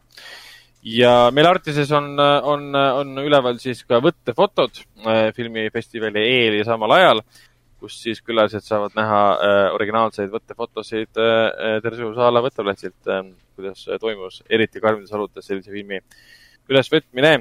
näitamise tuleb veel näiteks siis Rashomon, Seitse samuraid, juba mainitud Tersu Saala, Varjusõdalane ja, ja, ja ka Idioot, peidetud kindlus ja tema viimaseks äh, filmiks siis jäänud äh, Une, unenäod. Ma kindlasti aga... tulen, vaatan enamike, enamikud nendest ära, sest mulle Kurosawa väga meeldib ja, ja viimaseks filmiks jääbki Unenäod. kas Unenäod linastub mitu korda või? unenäod linastub äh, ühe korra, mitu korda linastuvatest filmidest ongi meil Akira Kurosawa Vene unenäod, mis linastub kolm korda ja siis äh, Tersu Usala, mis linastub, äh, linastub kaks korda. ja kindlasti Mulle... siis äh, nii? Tahtsin mainida, et Varjusõdalane linastub ka kaks korda, aga üks Varjusõdalase seanss on siis filmilindilt, kolmekümne viies, et filmilindilt, see on siis seitsmendal septembril. ainult üks, teine Varjusõdalane on digitaalselt koopialt üks varjusõdalane on siis filmilindilt, aga siin tasub silmas pidada, et tegemist on selle algupärase äh, filmilindiga. tegemist on selle, selle, selle, kuidas nüüd öelda, nõukogudeaegse filmilindiga ehk siis film tegelikult on äh, vene keeles ja tal on eestikeelsed äh, subtiitrid olemas. on vene keeles sellepärast, et niimoodi seda Nõukogude Liidus näha sai. see on see algupärane, peame silmas, algupärane versioon, mida Nõukogude Liidus näidati, ehk siis see ongi filmilindilt, filmilindi kujul ainult vene keeles saadaval. nii et kümnenda septembri aga kümnenda septembri seanss on siis ikkagi originaal? Kümnenda, kümnenda, kümnenda septembri oma on äh, täiesti tavaline varjusõdalane, äh, kus, äh, kus on siis olemas kõik subtiitrid ja õiged keeled ja selle koha pealt muretsema ei pea. ma arvan, et ma teen eksperimendi, et ma lähen vaatan alguses vene keeles, siis ma vaatan jaapani keeles jaa, ei sa võid. lihtsalt oleks äh, huvitav saada seda mingi kogemus kätte. aga kusjuures see on küll väga hea mõte, et unenäod on viimane, sest mul on unenäod alati väga südamelähedane olnud. Äh, ta vist koosnes, ta vist, mitu lugu seal oli? kaheksa reaalselt või? nii palju oli või? mäletan, et oli oluliselt vähem, sest mina nägin seda viimati, viimati ikkagi sügavas, sügavas lapsepõlves. Äh, ja teadlikult. ma nägin seda täitsa hiljuti nüüd mingi neli, neli aastat tagasi vist. ja mul on alati kõige rohkem meelde jäänud eh, kaks tükki. Eh, need, kus need Mäkironijad jäid tuisu sisse, see oli mm -hmm. nagu mhm. meeletult meeliülendav asi. ja teine, kus siis need äh,, kas oli üks inimene või? ta läks sinna tunnelisse. jah, ta läks, üks Jaapani sõdur, kes läks äh, tunnelisse ja tunnelis ta kohtus oma... siis äh, teises maailmasõjas hukkunud oma sõduritega. ja see oli väga-väga äge. Need, need kaks asja mul on nagu eluaeg meelde jäänud. et nagu isegi lühiformaadis oli Kurosawa nagu nii meisterlik. et ta Oli. suutis nii lühikeselt äh, ja nii, see kestab kaks tundi ja siin on väidetavalt kaheksa. ma ei mäleta, et neid kaheksa oli. jah, vahet ei ole aga need kaks lugu sellest, sellest kaheksast alati jäid mulle väga-väga meelde selles mõttes, et nad olid nii unenäolised, noh, nagu see unenäod on, dreams. ja nad olid äh, alati ka nii, nii, nii sünged ja nii huvitavad. et eks tänu sellele mul tekkiski vist huvi, ma ei tea, mingi Silent Hillide ja Yamaokade ja Kusimade vastu, et asjad, mis on nagu seletamatud, aga samas nii poeetilised nii-öelda. et noh, Kurosawa on ikka meister, et noh. jah kes Kurosawa filmidega kursis ei ole, siis, äh, siis äh, miks mitte tulla, tulla tõesti vaatama tema filmid ära meie juures ja, ja muidugi mitte pole siin kõik filmid, et Kurosawal on veel filme, aga, aga mingi osa saab äh, meie juures ära vaadata. vot, mainime ära Netflixi, et Luciferi viies hooaeg jõuab siis kahekümne esimesel augustil. vahepeal selgus ka uudis, et Warrior Nun, mida Raiko vaatas ja tegelikult ka kiitis, saab teise teise, vaatas ikka, vaatas küll. vaatasin jah Te.... jah, saab teise, saab teise hooaja ja väga palju kiidetud ka sellist seriaali nagu Teenage Bounty Hunters, mida mina ei ole veel jõudnud äh, vaatama. Pole vaadanud, äh, pole kuulnudki, aga, aga no mitte, mitte pole kuulnud, vaid tähendab, pole mõtteski vaadata, tähendab, ma olen kuulnud, aga pole mõtteski vaadata. lihtsalt Vot, ei, äh, ei ole äkki-, ei ole midagi niisugust, mis tundub minu jaoks huvitav. Ja eks see noh, jällegi sõltub pealkirjast ja pakutavast loost ka, ega kõiki tegelikult ei peagi, peagi vaatama. vot teate äh, mida, Teenage Bounty Hunters või? jaa, see on väga palju kiitust saanud siin erinevates kanalites. ma vaatasin jah, et on kiitust saanud, siis ma vaatasin treilerit, mõtlesin, et äkki ma näen midagi huvitavat, aga ausalt öeldes mul pani treileri poole pealt kinni. jep, jep, ma olen täitsa nõus. jah, nagu et, Et nagu- äh, me, me ei ole sel- selgelt siht, Jah. sihtgrupp, sest äh, äh, see, kui sa oled no mingi kaksteist kuni vaatan selle, jah. pluss, siis seal on- on tõenäoliselt see, kes seda tahab vaadata- ei no ma kindlasti proovin esimest osa, aga lihtsalt esimene treiler oli umbes niimoodi, et noh, mingi käed üles, et op, selline asi siis, et pani poole pealt kinni, et no midagi huvitavat see ei tulnud, et minu, minu hinge midagi ei erutanud, et nojah, seda vaatama pean. no nii, mis mul on veel on?, ju, Ragnar? tõsi, see kõik on äh, tõsi ja eriti tõsi, tõsi on see, on see, mis puutub kokku HBO seriaaliga Lovecraft äh, Country. milline See üleminek. see ka kindlasti ei ole kõigile, aga ülejäänud, kes seda kindlasti vaatavad, ma loodan, et nad naudivad seda, sest nii nagu meie äh, Hendrikuga seda. küsimus, kas see on parem või halvem kui HBO Watchmen? raske öelda esimese episoodi põhjal. Watchmen oli nii teistsugune nii või naa võrreldes samalaadselt, et vasta ütleme,, vasta küsimusele. teostega. Vasta ma ei tea, ma ei tea. Hmm. ma ei tea, kas Lovecraft Country on esimese episoodi põhjal äh, parem. aga kui sa võrdled Watchmeni esimest episoodi Lovecrafti esimese episoodiga, siis äh, Watchmeni oma oli parem, jah. no näed okay., küsimusele on vastus antud. Kui konkreetselt küsida, et kas, kas avaepisood nagu piloot äh, on Watchmenile parem kui Lovecraft Country oma, siis jaa. Watchmeni oma on äh, parem. selge, Aga see on nad-, see on väga hea info. see on Ah. ammendav. okei okay.. ei, seda ma, on ma ei pea rohkem edasi vaatama. mul on sari vaadatud. selles, selles mõttes Hendrik, Hendrik pole endiselt vaadanud Watchmeni äh, ei seriaali. Aga aga vaata ära, mina vaat-, mina alustasin seda mingi kaks korda, sest äh, mingi teine või kolmas episood oli nii igav. või noh, nagu mitte igav, ütleb aeglane, siis ma lihtsalt jätsin pooleli. siis kõik kiitsid seda, vaata, ma jõudsin jälle mingi kolmanda osani, ma, ma ei viitsi. ja jälle jätsin pooleli, siis äh, Ragnari või kellegagi rääkisin, see on üks aasta parimaid sarju, see on fine, no olgu. no olgu. Ragnar veenas ära või? ma siis vaatan veel korra ja surun siis sealt läbi ja korraks seal on küll keskel mingi niisugune moment, kus või no alguse poole veitsa niisugune vajub ära, aga see kaob ära ja siis läheb kõik nagu juba käest ära. jaa, see seriaal on üsna, üsna käest ära igas, igas võimalikus võtmes, aga see on, see on tore, see on tore seriaal. vot äh,, äh, Amazon Prime videos on endiselt olemas The Boys, mille teine hooaeg juba siin sügisel algab. kahe nädala pärast täpselt, täpselt kahe nädala nädala pärast peaks olema.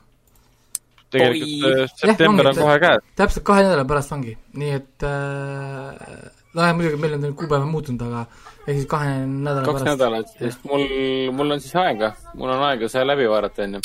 meil on aega veel, meil on veidi aega veel. ja, ja Apple TV plussis on ka tegelikult äh, For All Mankind, mille, mille teine töö hooaeg on ka saanud praegu siin äh, kõlapinda, et ta on ikkagi tulemas ja tegemisel. Et on aeg ka see ära vaadata, Hendrik, et äh, mulle, mulle tegelikult ta väga meeldis ja, ja ta on olemas.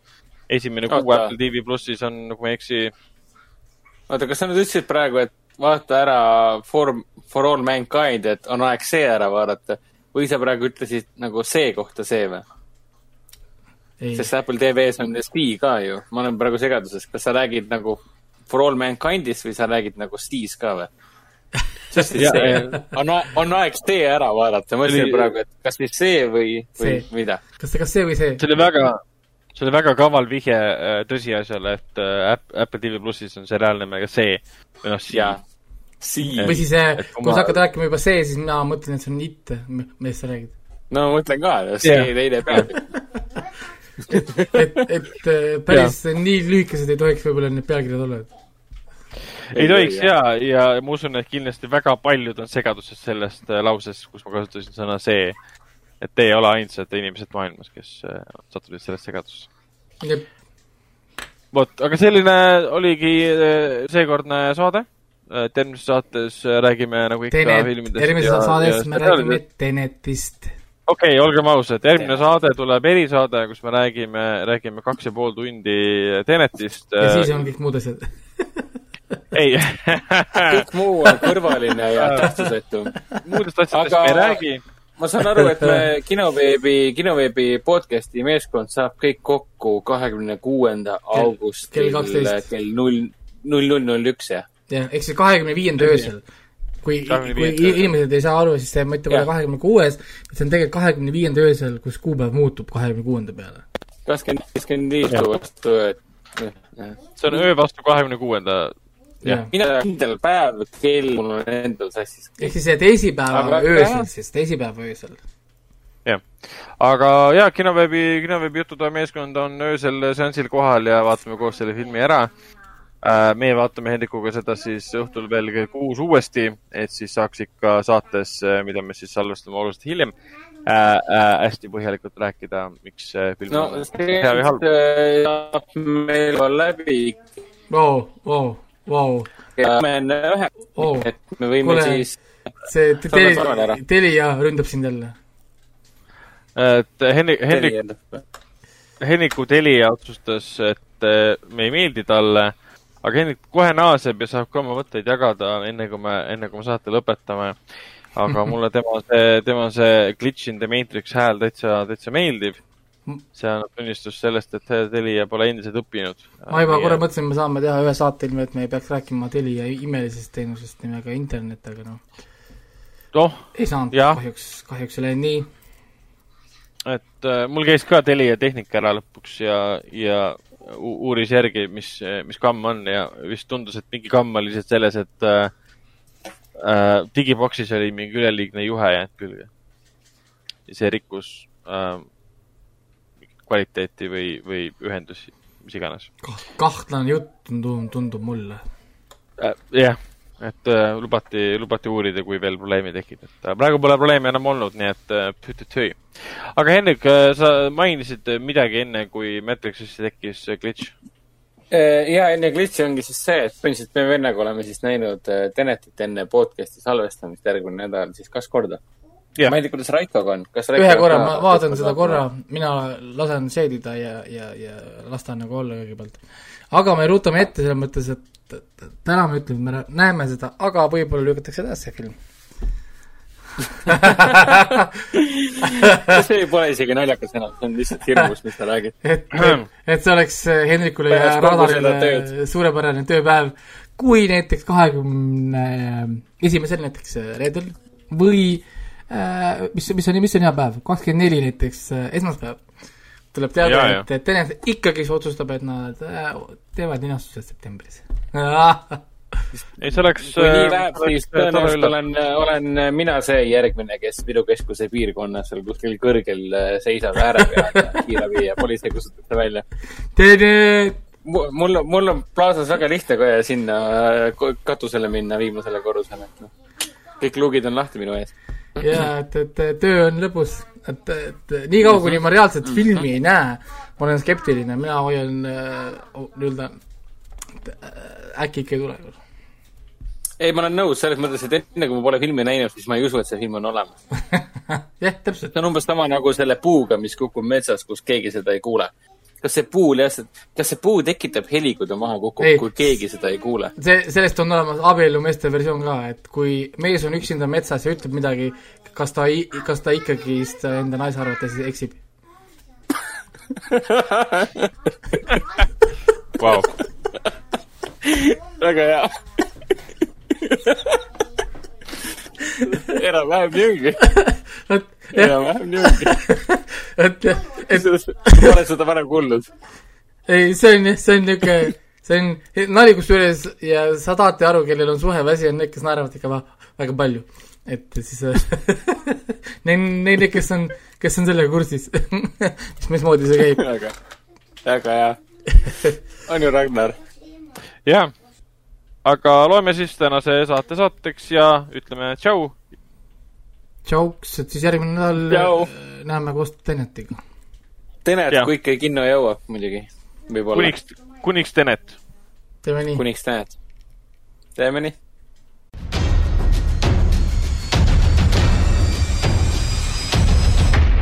kinoveebi Jututuba podcasti toob teieni Foorum Cinemas